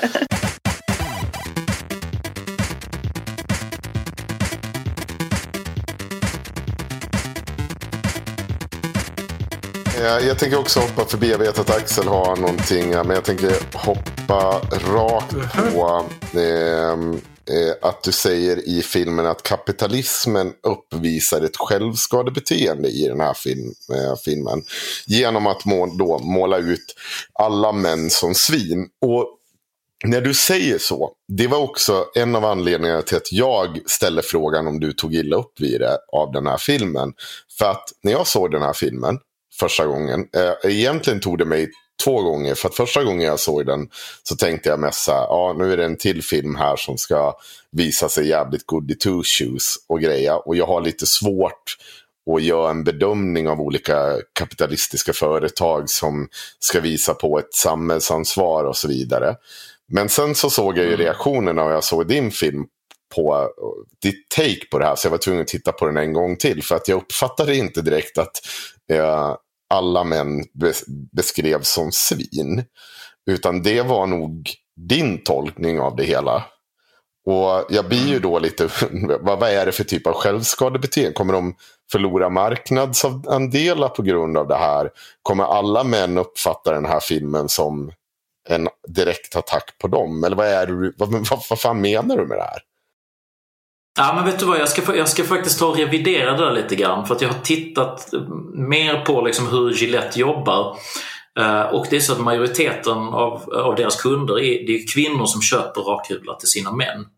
Eh, så att den manliga målgruppen som jag uppfattar att de alienerar är inte kanske i den utsträckning jag trodde det, den huvudsakliga målgruppen för reklamen. Och det, det, det är där jag såg självskadebeteende. Fast nu säger du bara att de har en annan målgrupp. Jag frågar, alltså du säger att, att de, de i huvudsak alienerar män. Okej, okay. vi, vi, vi, mm. vi skalar bort de kvinnorna som köper. Så säger du fortfarande att den alienerar i huvudsak de människorna som köper. Alltså, jag, jag, mig alienerar de inte på grund av att de gjorde den här reklamfilmen på något sätt. Utan det är för att jag har fått för mig att jag ska ha lite skägg i ansiktet. Och klipper med, med en, mm. ja, en maskin istället. Eh, men, ja, men jag skulle definitivt inte känna mig alienerad av den här filmen. Varför, varför säger du det om du säger samtidigt att du inte tog dig illa upp över det här? Vem är det du... Har du läst på Twitter att någon... För det har jag ju sett att folk har blivit lite sura över det här. Men vad, hur kan... Vilket? Att folk har blivit va, sura. Va, vilka män är det som, blir, eh, som känner sig personligt attackerade av den här, tänker du? Jag känner ingen specifik person själv, utan det är en analys som jag gör av um, tilltalet i filmen problematiserar ju mäns beteende där det finns en protagonist och en antagonist i de flesta av de här scenerna. Mm. Där det är en man som uppvisar ett oönskat beteende och sen så är det någon som griper in och gör det. Det är en man som griper in? Ja, väl? precis. Ja, det, det, ja. det är män som griper in. Precis. Uh, och uh, metameddelandet där blir ju där de säger någonstans i mitten av filmen så att Um, some men already do but some is not enough. Vi, vi vill liksom ha alla ombord på tåget. Och implicit i den kommunikationen det blir ju så att Därför att för många av er som tar emot den här reklamfilmen som har sett det här gamla mansidealet med “the best a man can get”-slogan. Ni är omoderna och ni behöver moraliskt uppgraderas. Eh, och jag tror det, det, det är ett ohövligt tilltal mot en konsumtionsgrupp. Och jag tror att varför jag kallar det för ett självskadebeteende för ett företag, det är för att jag tror att man, att man gör helt enkelt ett politiskt ställningstagande eh, på grund av att företag som drivs på kapitalistiska principer de anpassar sig till tidsandan och det här är liksom en zeitgeist-spaning att vi lever i en allt mer politiserad tid och den här typen av eh, ideologiska positioneringar blir viktiga för dem att göra i, i paritet med att eh, moralen Absolut. tar större plats i politiken. Fast jag har en, en invändning mot det här i, utifrån att rakhyvel eller rakbladsreklam har alltid handlat om att måla upp en eh, bild av hur en bra man ska se ut. Det här är inget nytt. Alltså, innan det så hade du eh, snygga modeller med väldigt starka käklinjer som, eh, som modeller. Och det är också ja, ett sätt, de starkaste käklinjerna. Ja, och och det är också ett sätt att alienera sin kundgrupp därför att 90 procent av världens män kan inte identifiera sig med den här önskade bilden av hur en man ska se ut. Går du ännu längre tillbaka till typ 50-talet, då var det reklam som, som på riktigt skrev saker som att eh, hade du rakat dig bättre så hade din fru inte lämnat dig, din jävla slusk. Och det är också ett sätt att tala till män om så här borde du se ut, så här borde du agera. Det här är liksom ingenting nytt. Mm, så att, mm. det jag tycker är konstigt i kritiken mot den här, det är att man beter sig som att det vore någonting nytt att man ska betala, alltså att, att en reklam talar om för män vad som är någonstans den accepterade, som du säger, zeitgeisten för eh, för en du menar mansperson. Det här är inget Men, konstigt. men jag tror skillnaden ligger ju i den emotionella valören i vad som kommuniceras. Om du, om du tar Gillettes klassiska 80-tals reklamfilmer med de här checkpartikillarna liksom, Mm. då, då, då porträtterar det ju, eh, vad ska man säga, idévärldens framgångsrike man. Ja. Och man säljer produkten genom att säga att rakar du dig med det här jäkla rakbladet så kan du bli lika framgångsrik som den här killen. Då får du ligga med modeller liksom. Men då tycker jag att Jag kör någon fräsig bil som så rakhyveln Ja. är som en racerbil på något Precis, sätt. och det, det så- här är exakt samma sak. Och jag antar att det är lite det du menar att det som har förändrats är ju att man säger att för att vara en riktig man så behöver du inte köra en jävla sportbil och ha en jävligt snygg käklinje och ligga med modeller. För att vara en, en, en bra man så behöver du bara stå upp för andra människor, för kvinnor. Det tycker jag är ett vettigt ideal. inte det vettigare än att man målar upp en bild av att en bra man måste vara supermodell och ha en snabb och dyr bil? Borde inte det alienera kundgruppen mer? För det är ju en mycket mindre procent av befolkningen som kan nå dit än det som kan nå till ett läge där man kan säga att nu tänker jag säga ifrån när du är taskig mot en kvinna. Alltså jag, jag tror ju att 80-talets reklamdramaturgi sålde budskapet du behöver en materiell uppgradering. Och om du är, kämpar du så, så kan du liksom få bilen, bruden och den flotta lägenheten på Manhattan på något sätt.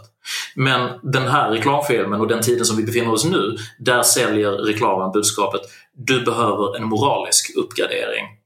Nej, jag skulle inte säga att det är mor- moral. Det handlar bara liksom om att, vara, att ha civilkurage att Att vara inte bete sig mänsklig. som en apa. Det, jag tycker Ja. du låter väldigt... Jag tycker fortfarande inte du förklarar. Du, du lägger ut ditt resonemang nu också kring att det här är någonting som riktar in sig fel mot män och att det är då Mm. så kapital, kapitalismen uppvisar ett självskadebeteende. Men när man ställer frågan till om du tog illa vid det, nej. Och när vi ställer frågan till om vem som skulle ta illa vid sig, då vet du inte det heller. Utan du kommer med massa resonemang och väldigt många fina ord. Nästan så jag behöver googla vissa av de här orden. Men du ger fortfarande inget svar på vem som skulle, varför det här skulle vara ett självskadebeteende. Du ger inget konkret. Har de tappat ännu mer andelar efter den här reklamen? Eller vad, vad är det som, alltså vad är det de har gjort som är ett självskadebeteende? Som jag sa innan så, så har jag ändrat mitt perspektiv lite i den frågan eftersom jag nu Ja. vet att majoriteten av de här rakhyvlarna köps av kvinnor som handlar dem till sina män. Jo, men det, ditt argument då, är... för- film, då, är film, då är filmen lite smartare än vad jag tänkte från, början. Därför att jag uppfattar att den, den genom att säga till sin primära Ja, men jag, jag jag får bara avsluta det här. Ge- Genom att säga till, om man uppfattar att de riktade sig till män, vilket de inte gör, utan de riktar sig till kvinnor. Om man uppfattar att de riktade sig till män och säger till männen i den kommunikationen, du är i behov av en moralisk Fast det säger de ju inte. Det apa." säger de ju inte. Det är ju inte det. Om du tar illa vid det, det är ju precis att det finns ett sånt här beteende bland män. Skulle man en, i min värld vara en rimligare tolkning. Det finns ett sånt här beteende om- bland män. Vilket jag själv har beskådat under mina blott 36 år på den här jorden. Jag har sett det här beteendet. Jag har sett män stå och catcalla tjejer. Jag har sett män säga pojkar will be boys. Jag har sett princip allting som görs här. Jag hoppas att inte jag gör om de misstagen, men det har jag säkert gjort vid Mm. något tillfälle annat. Jag, jag, tror, jag, jag tror och hoppas att det inte är den största boven i det här sammanhang, eh, sammanhanget. Men vad fan, alltså det betyder ju inte att, alltså det de säger med det här, det är att vi borde inte Mm. tillåta den här attityden. Du, sa, du tog upp det själv som ett exempel att de säger i ett eh, resonemang att några män säger emot, men det duger inte. Det betyder ju inte att alla män beter sig som apor. Det betyder ju bara att fler män borde säga emot. Det är Ja, men ingenting ta, det, det, det är Ja. det jag menar är den springande punkten Nej, men- i det du försöker säga Henrik. Är att vad är det som säger att de som tittar skulle identifiera sig med männen som gör fel och inte med männen som säger ifrån? Ja, men om, om, man tittar på hur reaktionerna på nätet har varit, liksom, på Gillettes egen sida till exempel, och de gick, där gick de ju in och plockade bort så 170 000 kommentarer. Liksom. Så, så är det så att man, man har ju lyckats med den här viraliteten, liksom, men har, de har ju också skapat en polarisering. Mm. Därför att en del av mottagarna bland de här killarna uppfattar sig få bli tagna i örat. De säger att ni behöver en moralisk mm. uppgradering. Mm. Och sen så finns det en, en, del som håller med, som tycker att det är bra att vi tar ställning för attityder som vi tycker är mer önskvärda. Men, men jag menar, ytterst sett så är det ju så att det är ett, var, ett framgångsrikt varumärkeskommunikation och det här är ju mer för att jag gillar att liksom tänka på reklam och kommersialismen i det. Framgångsrik varumärkeskommunikation alienerar ingen utan inkluderar hela målgruppen utan att stöta bort Nu ska du få en spaning av mig Henrik. Nu ska jag ge dig en spaning. Av de här 170 000 kommentarerna. Ja, det här är en total eh, gissning för mig. Men eh, jag gissar också att jag har rätt.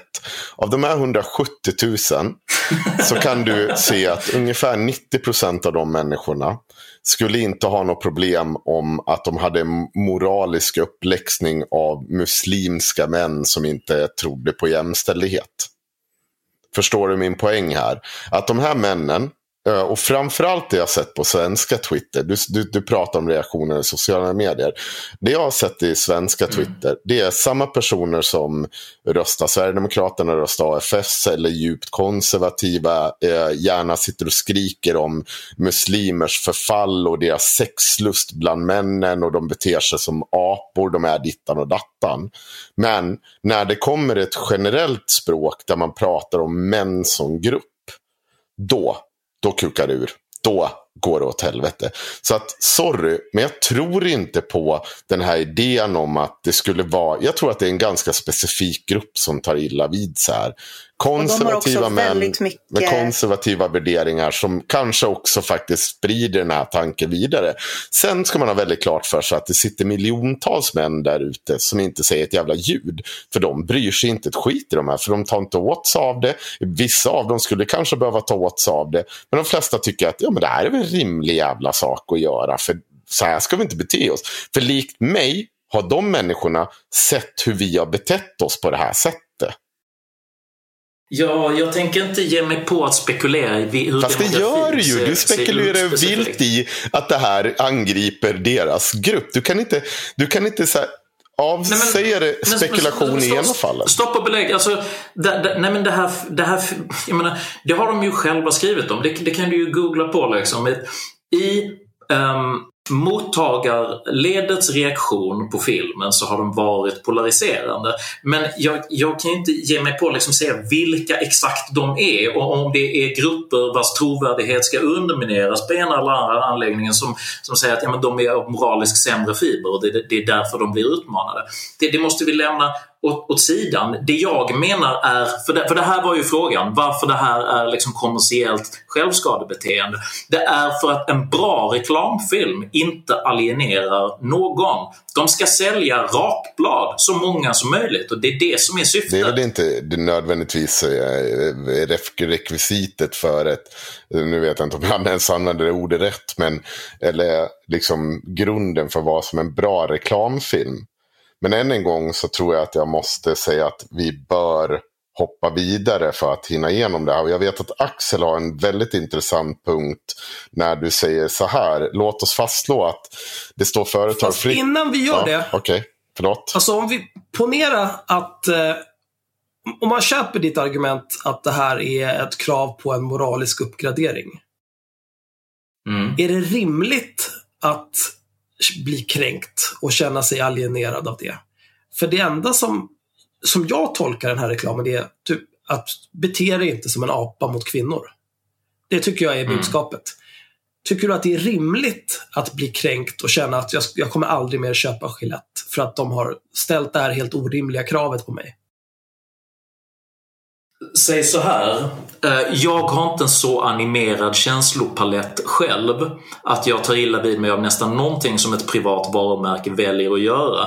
Men jag kan konstatera eftersom jag är företagsledare och jag är intresserad av marknadskommunikation att reklamfilmen är behäftad med tillkortakommanden så tillvida att den bevisligen har en alienerande effekt på en del av sin målgrupp. Absolut, det köper jag.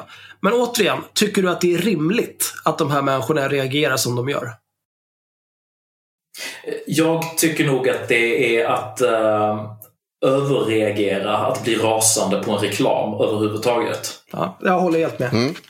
Jag eh, tänker rast hasta vidare för jag tycker att Axel är eh, väldigt rätt ute i en av sina betraktningar. Och jag ska citera dig.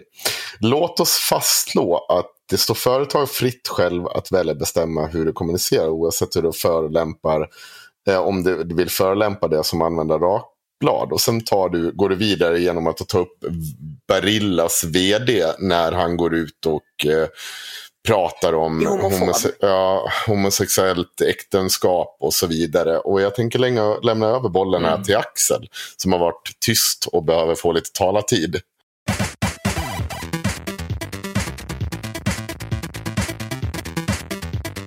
Så, sånt otroligt svamlande alltså. Ja, ta det här du. Ta det Axel, spring med det. Ta det. På han bara. På han, han sitter där. På han bara. Ska du ta det här skiten? För helvete. Om du är tyst kanske. Eh, Guido Barilla, han gjorde bort sig 2013 ungefär. Eh, och så ja. sa han I would never do a commercial with a homosexual family. Not for lack of respect, but because we don't agree with them. Ours is a classic family where the woman plays a fundamental role. Eh, och det, det som är framförallt intressant här är att han säger classic family. Den, den klassiska kärnfamiljen, då är det ju mannen har ett jobb, försörjer familjen, kvinnan är hemma, städar, tvättar, tar hand om barnen, lagar maten och sköter hushållet. Bara där tycker jag att eh, herr Barilla, han, han förespråkar ju en, en klassisk patriarkal könsmaktsordning. Där kvinnan stannar hemma mm. och sköter sitt. Eh, men det som jag tycker främst är intressant med det där är att han, han gjorde en helomvändning. Som du inte nämner. Ja, det kände jag inte till. Jaha, okej. Okay. ett år senare så hade han, han insåg snabbt att dels av eh, all backlash Barilla fick av det där, mm. så insåg han att det här var kanske inte så jävla bra. Så ett år senare så toppade Barilla alla typer av så diversity eh, mätningar. Mm. De har infört eh, diversity training för alla sina anställda.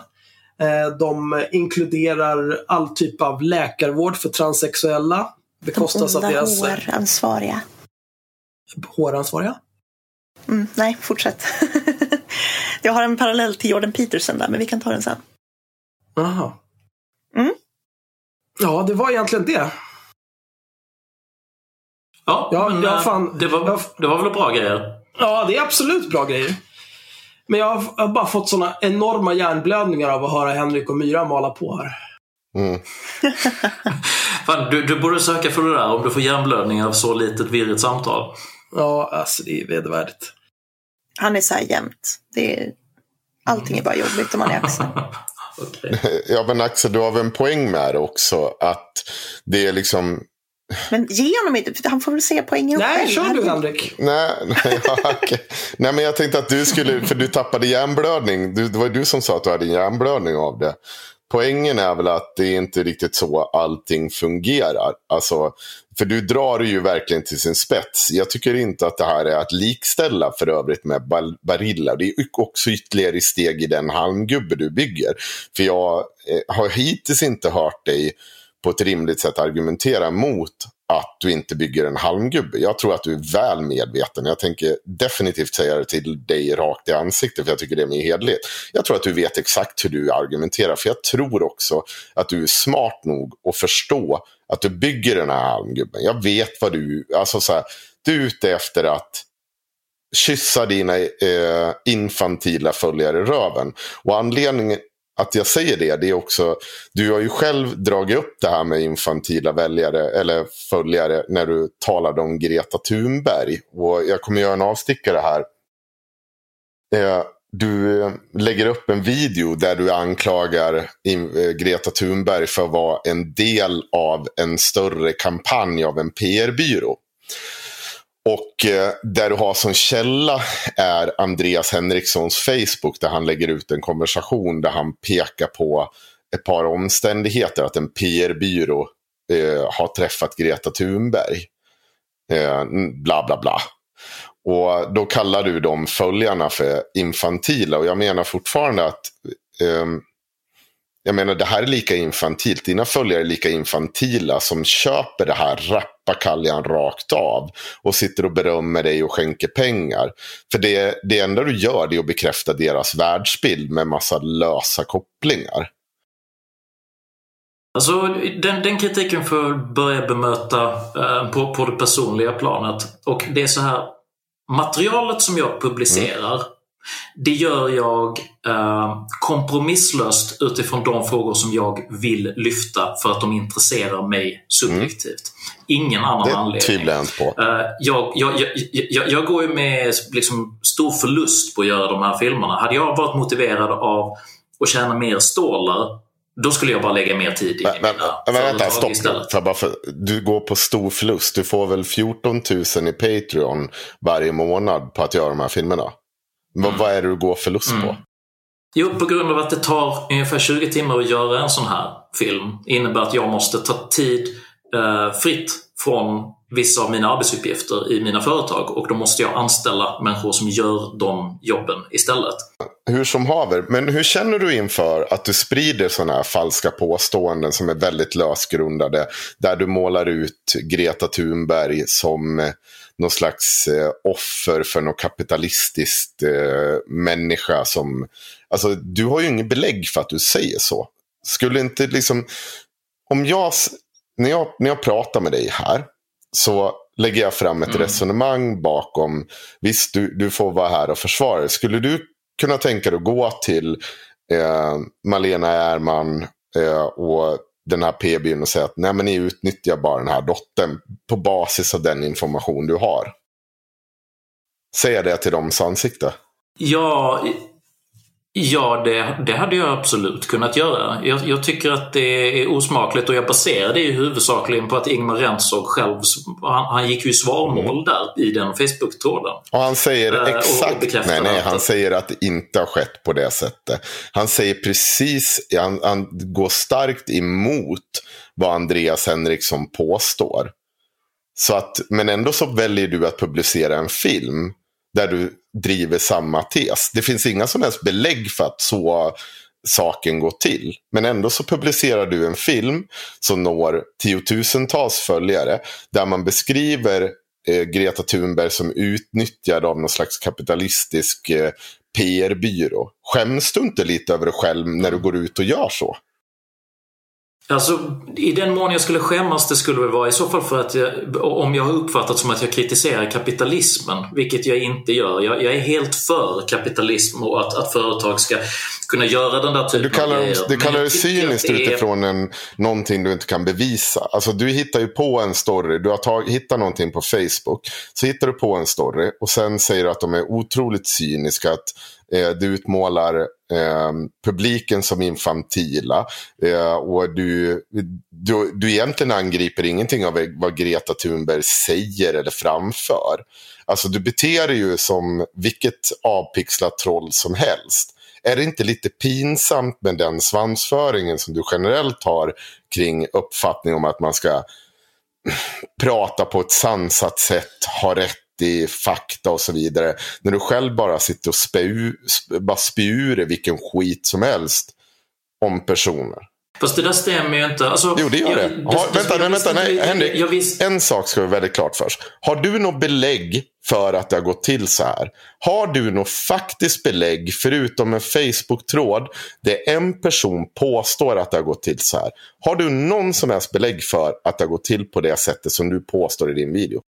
Den tråden är min källa för den informationen. Och... Har du något, nu frågar jag dig, det här finns ett enkelt ja och nej svar på. Jag kan egentligen svara på det åt dig. Nej, du har inga som helst belägg för. Du har en Facebook-tråd där en person förnekar det den anklagas för. Inga nya bevis tilläggs, ingen har bevisat någonting annat. Det är fortfarande bara vilda spekulationer som du för vidare med din jättesajt. Därmed kan jag också anklaga dig för att bete dig som vilket jävla avpixlat troll som helst. För det är vilda spekulationer du för fram. Och det är ganska grova anklagelser. Så jag, jag, jag, kan inte riktigt förstå hur du ska försvara dig mot det. Det, det sansade vore ju om du, som jag uppfattar dig, vill uppfattas som en rätt, rättrådig människa som gärna vill ha all fakta på bordet och gör mm. de här subjektiva. Det enda rimliga det vore och be om ursäkt. Det här, det här var en felaktig film. Jag borde gå in och revidera den i efterhand. Gå ut och be om ursäkt. Och sen gå vidare med sitt liv. Fortsätta producera de filmerna bäst fan du vill. Men det är en ganska grov anklagelse du för fram här. Ja, men den anklagelsen har ju förts fram i, även i Resumé. Det är ju många som har dryftat det här. Det är ju, det är ju känd information att de har ett samarbete. Uh, hade vi... Nej, nej, nej. Nej, nej, nej. Det, nej. Du, du, går längre än så. Du påstår att det här har någonting att göra med Malene Ärmans eh, publicering av sin bok. Att hon försöker kapitalisera på sin dotter. Tagga ner nu. Du har inte belägg för någonting av det här. Ändå så säger du de sakerna. Men låt Glam-Henrik svara nu. Ja, ja förlåt. förlåt. Ja, alltså, jag, jag förstår inte frågan. På vilk, det, jag tycker att det är belägg att jag citerar den Facebook-sidan. Men det är någon spekulation när du citerar och Ingmar går i svarmål. Alltså vet ni vad? Jag hade behövt gräva fram den här informationen så vi kan titta på den när vi pratar, uh, när vi pratar om den. Men nej, jag uppfattar att jag, jag har belägg jag, jag för, för det och jag hämtar det från den Facebook-sidan. Som jag förstår så finns det två olika beskrivningar. Det ena är ju att den här PR-personen ska ha varit, båda är överens, alla parter är överens om att den här PR-personen var vid ett tillfälle i kontakt med bland annat Greta Thunberg och sa vi borde ha en skolstrejk. Ingen hakade på. Och sen så ledde det här till att Greta på egen hand började driva det här. Utan något sorts samarbete med den här PR-byrån. Det är den historien som hennes mamma berättar. Det är den historien som även han som, som anklagas för att vara eh, bakom den här PR-byrån berättar. Okej, okay. jag tycker att um, det, det, är problematiskt att använda barn i PR-sammanhang. Ja. Men vänta, stopp. det är ingen, du har inte bevisat det. Är ingen som det. Det är ingen barn. som har använt det. Och det, det, det, är liksom, för det första så används, du, ju, du kan inte sitta och ha, alltså menar du på till exempel att eh, barn i reklam inte ska få förekomma? Nej då, det är helt olika saker. Um, i, det här, i, det i, I det här fallet så är det ju fråga om en reklamfilm då gör du en skådespelarinsats som är på ett par timmar. Och det, det, är ganska hårt reglerat på vilket sätt man får lov att jobba, på hur många timmar barn får lov att um, medverka mm. i film etc. Mm. Uh, men i det här fallet så har de ju uh, tagit och gjort henne till en väldigt stor global opinionsbildare. Yeah. Ah, men ingen har gjort, äh? nej stopp nu. Du har inget som helst belägg, det är du som säger det här. Det, jag tänker aldrig släppa igenom ett avsnitt där du får stå omotsagd. För då får du säga så här, då, då, ska jag ge dig nu, du har fritt fram nu och belägga dina påståenden om att en PR-byrå har gått in och gjort det här. Henrik, du har all tid i världen på att förklara dig. Varför är det så? vad har du för bevis för det? Jag citerar en tråd på en Facebook-sida och om vi hade diskuterat att vi skulle prata om det här så hade jag sett till att ha de underlagen med mig så att vi hade kunnat prata om Jag kan plocka fram den och länka den nu på en gång. Vänta. Om ni fortsätter prata så tar jag fram den så länge. Ja. Eh, men det, det, är fortfarande ingenting i den här Facebook-tråden. Jag har ju läst den också. Det finns ingen anledning att ta fram den. För det är ingenting som bevisar. Det är Andreas Henriksson som har en bunt spekulationer hur det här gått mm. till. Han lägger inte fram några faktiska bevis mer än att eh, den här PR-killen fanns på plats eh, eh, ganska tidigt. Han är en av de första som lyfter henne. Mm.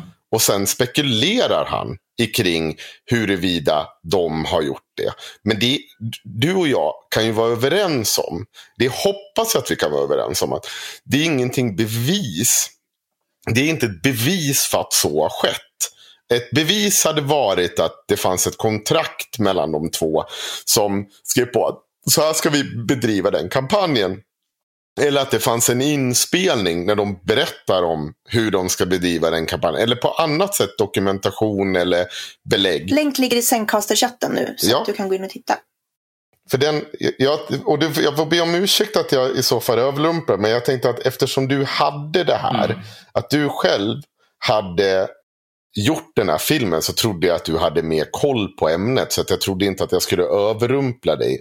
Men å andra sidan så tycker jag inte att jag överrumplar dig. För att det är inte det här är inte en stor sak. Det finns inga belägg i den här texten. Ja, men vi, alltså du, nu, du pratar väldigt mycket, Henrik, men han måste Ja. få läsa också. Men Ja. eh, jag tänker så här, vi har redan konstaterat att källan för det här är en Facebook-tråd.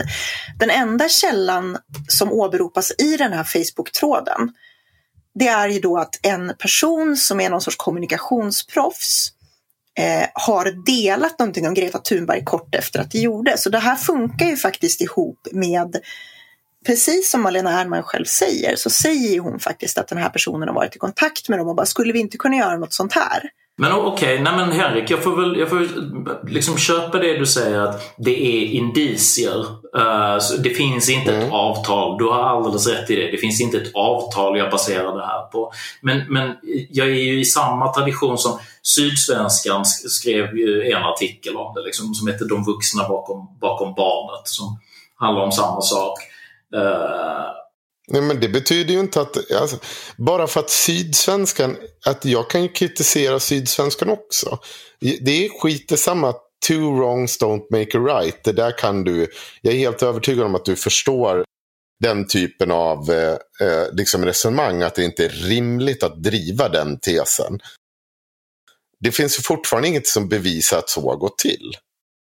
Du har rätt, jag har inte ett bevis som skulle stå i en rättegång.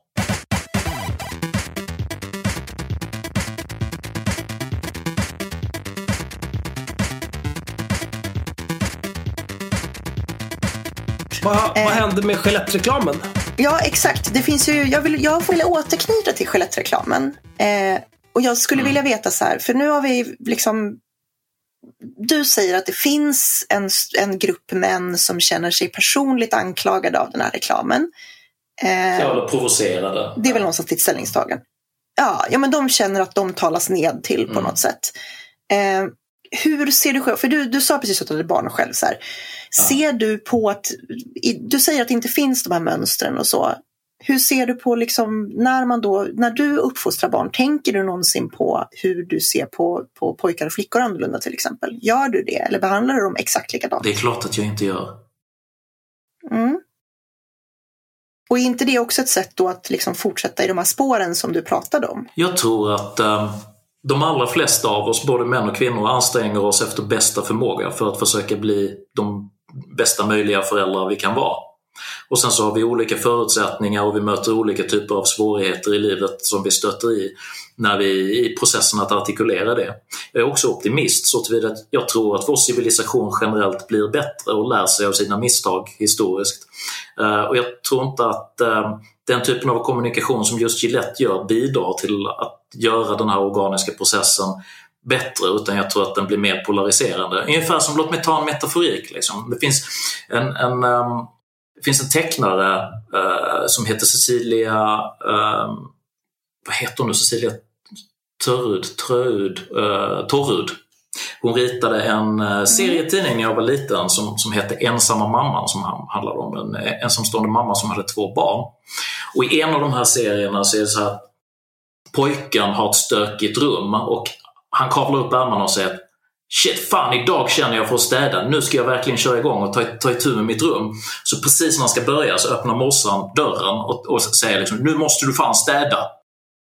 Och sen så blir han liksom helt Ja. spak. Så, fan vad jag tappar motivationen är typ det han säger. Liksom, för att då blir det som att ah, nu, har nu fick jag bann och jag blev tillsagd. Liksom, så att den här impulsen jag hade att faktiskt bli bättre kändes som att den liksom blev förfulad av att auktoritet klampade in liksom, och, och, och sa ifrån. Um, Jag förstår det. Det önskvärda vore ju om män kunde ändra sitt beteende på grund av till exempel metoo, där de får höra hur kvinnor utsätts för följderna av beteendet. Men i det här fallet så bidrar ju du till att skapa ett narrativ där det finns en auktoritet som säger åt dig hur du ska bete dig. För det är du som målar upp att det finns någon sorts genusvetenskaplig, feministiskt eh, liksom någon sorts konspiration av, av genusvetenskapliga feminister som ska tala om för män hur de ska bete sig. Det är det du beskriver i den här filmen. Jag, jag fattar vad du menar. Det, det, är inte riktigt det jag menar. Eh, reklamfilmen reagerar ju, alltså reklamen, och det här säger jag i filmen också, reklamen reagerar på tidsandan. Och om vi har en tidsanda, och det var, det att jag knyta tillbaka till lite i början, vi har en tidsanda där jag uppfattar att det finns vissa av de här typerna av eh, identitetspolitiserade önskningar om att tilldela olika grupper olika typer av maktanalyser och att reklamen reagerar på det och försöker kapitalisera på den strömningen. Och Jag tror att den strömningen är dålig och jag tror att den blir som mamman som skäller på sin son i dörren, att den faktiskt kväser en autentisk impuls till förbättring genom att den uppfattas som paternalistiskt förmanande. Fast jag tycker att du bidrar till det. Därför att du till exempel lyfter att den här personen har sysslat tidigare med att göra mensreklam. Eh, du pratar om genus, du pratar om att män har det faktiskt jobbigt också men vi blir bara tillsagda att män är medskyldiga till allting dåligt. Egentligen så kanske det är så, du kommer in någonting där på slutet om att eh, ensamstående mammor är vanligare och socialarbetare är kvinnor. Så att det är inte så att kvinnor automatiskt är en, en positiv kraft utan vi behöver positiva manliga förebilder. Och det håller jag med om. Mm. Men det är också det som jag tycker att Gillette-reklamen visar. Att folk bör vara positiva manliga förebilder för andra män. Ja, jag, jag fattar vad du menar. Vi, vi håller inte med varandra riktigt där kan vi konstatera. Jag, jag, eftersom jag uppfattar att filmen är en reaktion. Den är, den är ett vått finger i luften på ett samhälle som börjar präglas av en större och större moralpolitisering. Eh, och jag tror att det är en kontraproduktiv eh, reaktion om man har föresatsen att försöka få människor att bli mer inkännande i sina beteenden och, och ställningstaganden. Men jag tycker att det är människor som du i det här fallet som bygger upp den världsbeskrivningen. Istället för att man säger att ja, men det finns några människor på, människor på Gillette som bara fan det här med metoo, det verkar ju vara, män verkar bete sig som svin. Kan inte vi göra någonting för att visa liksom att man kan bete sig bättre och att män kan vara en positiv kraft i det? Men du väljer att utmåla det som att det här är liksom en, en struktur i samhället som man försöker tvinga på folk. Ja, alltså, det, det, har du alldeles rätt i. Alltså, det, för den, det, och det står jag för. Jag tar ställning för just den grejen därför att jag tror att den politisering identitetspolitiska politisering och moralpositionering som, som är framträdande i samhället, den är destruktiv och den behöver problematiseras. Jag, jag, jag ser mitt, eh, min film som en inlaga i det samtalet för att det där är någonting som jag tror är kontraproduktivt med de målsättningar som, uh, som vi faktiskt verkar dela i att män ska ja. bete sig bättre. Men vilka tror du att de här slår tillbaka mot? De som då köper den här världsbilden? Förlåt, jag förstår inte frågan. Nej, men så här, de här människorna då, de här snubbarna som blir kränkta över att någon säger att man ska inte vara taskig mot kvinnor till exempel. Eh, mm. Det som händer tyvärr är ju att de här människorna får ju då andra män som säger till dem att ja, men det här är bara det här är PK-samhället som försöker tvinga på dig att du ska bete dig bra. Och då reagerar de precis som du säger att Nej, men nu vill jag inte göra det. Och den eh, resultatet av det blir ah, okay, att man beter sig illa. Förstår du? Mm, mm, För att göra uppror någonstans. Precis, ja, men, det kan väl existera kanske som en marginell ofullständig reaktion på det. Men, men jag menar, jag menar den, den, riktiga energin som bör uppväckas där det är ju att faktiskt problematisera hur de politiska institutionerna fungerar. Och liksom, den nymoralism som då börjar grassera nu till exempel, den behöver problematiseras, den måste utmanas för jag tror att den är destruktiv. Så att om det är någonting man ska betrakta filmen som så är det en inlaga mot det. Mm. Jag bråkar jättemycket med nymoralister, för mm. jag bråkar jättemycket med porrmotståndare till exempel. Så det är inte så att jag inte håller med Fan. Där skulle vi göra joint venture och bråka ja, med porrmotståndare. Jag är helt, helt på din kant. Pro-porn alltså. Ja. Men hörni, vi har inte mycket tid kvar och eh, jag vet att Axel har en invändning mm. mot en del. Eh, just det här, du tar vid ett tillfälle upp eh, hur många män som drabbas på, av arbetsplatsolyckor, mordoffer och dödsfall.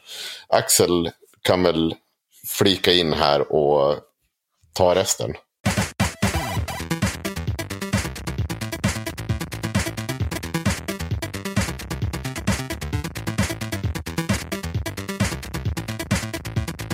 Mm.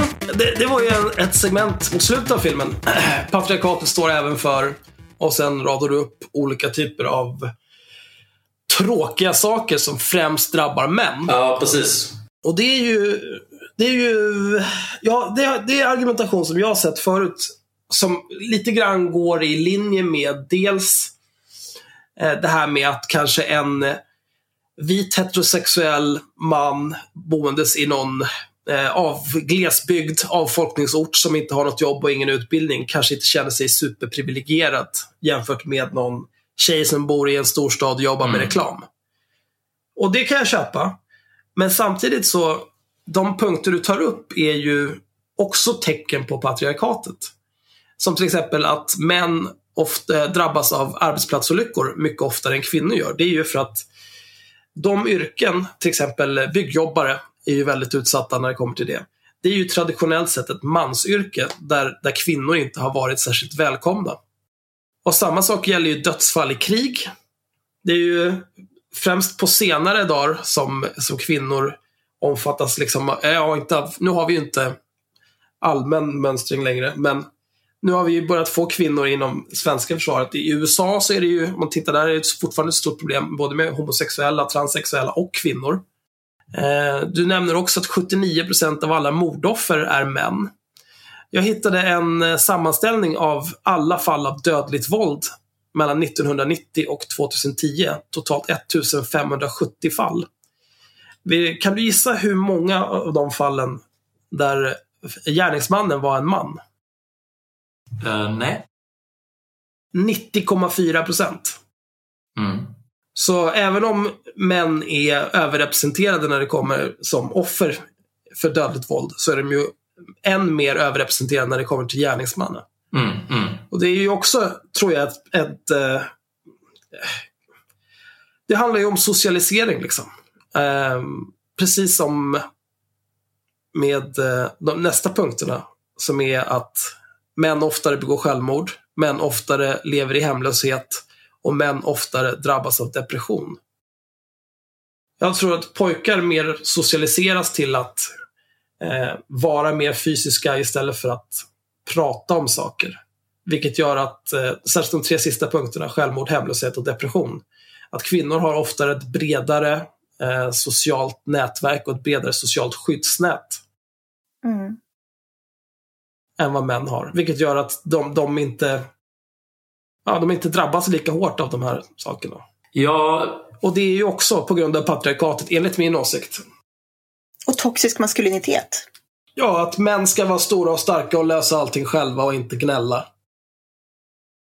Det finns ju också forskning som visar att, eller jag har hört artiklar baserat på forskning om att eh, många män inte har en nära vän till exempel. Det är ju typiskt sånt som kan hålla en från att ta sitt liv eller hamna i hemlöshet eller bli deprimerad. Mm. Alltså, det, det finns ju alla möjliga olika eh, variabler som påverkar varför de här siffrorna uppstår. Vi är väl överens om att de är oönskade och att det är olyckligt att, att det är så hemska siffror. Liksom. Ehm, eh, syftet till att jag har med det, det är att jag vill använda det som en kompletterande utfallsanalys i den mån då som den patriarkala analysen som jag tagit del av eh, är en privilegieanalys också som säger att män um, ehm, genom förtryck har försetts med en mängd uppburna fördelar i samhället. Och de här siffrorna var en inlaga då i just utfyllsdiskursen i den mån som det nu, vilket jag tycker är oönskat, att ta utfallsanalysen i isolation, bara påvisar att det finns tillkortakommanden i liksom den här privilegieanalysen för, för, eh, för killar. Då, liksom. Jo, fast det, är ju, det tycker jag är en halmgubbe därför att de flesta som har en feministisk analys, särskilt idag, eh, är ju Mm. också, pratar ju också om att det här är någonting som, som vi har sagt tidigare, som drabbar män negativt också.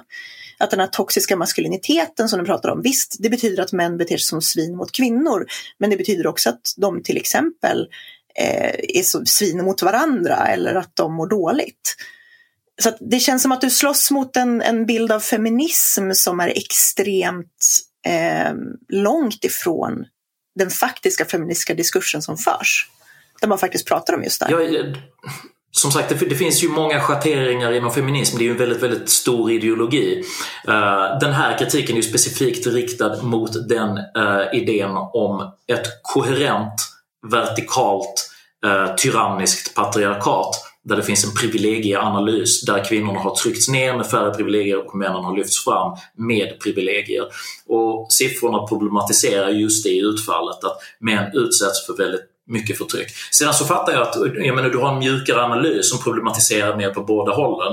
Eh, men, men, eh, det här är liksom en kritik som är riktad just mot det tyranniska, förfördelande patriarkatet. Men är den verkligen särskilt stor, den, den inriktningen av feminismen om vi säger så? Eller den, den inriktningen av synen på patriarkatet, att det är, att det är så svartvitt? Att män bara har fördelar och kvinnor bara nackdelar?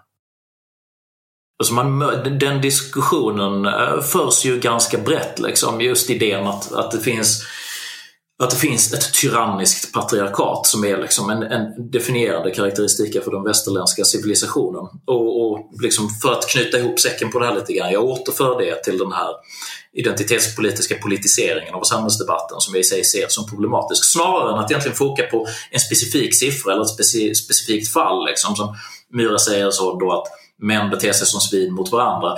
Ja, 97% av alla dödsfall i krig, liksom, det, det, kan finnas många komplexa variabler där. Det, det kan finnas all anledning um, till, till, att de kanske inte alls beter sig som svin utan ett ganska stort offer att göra det till exempel.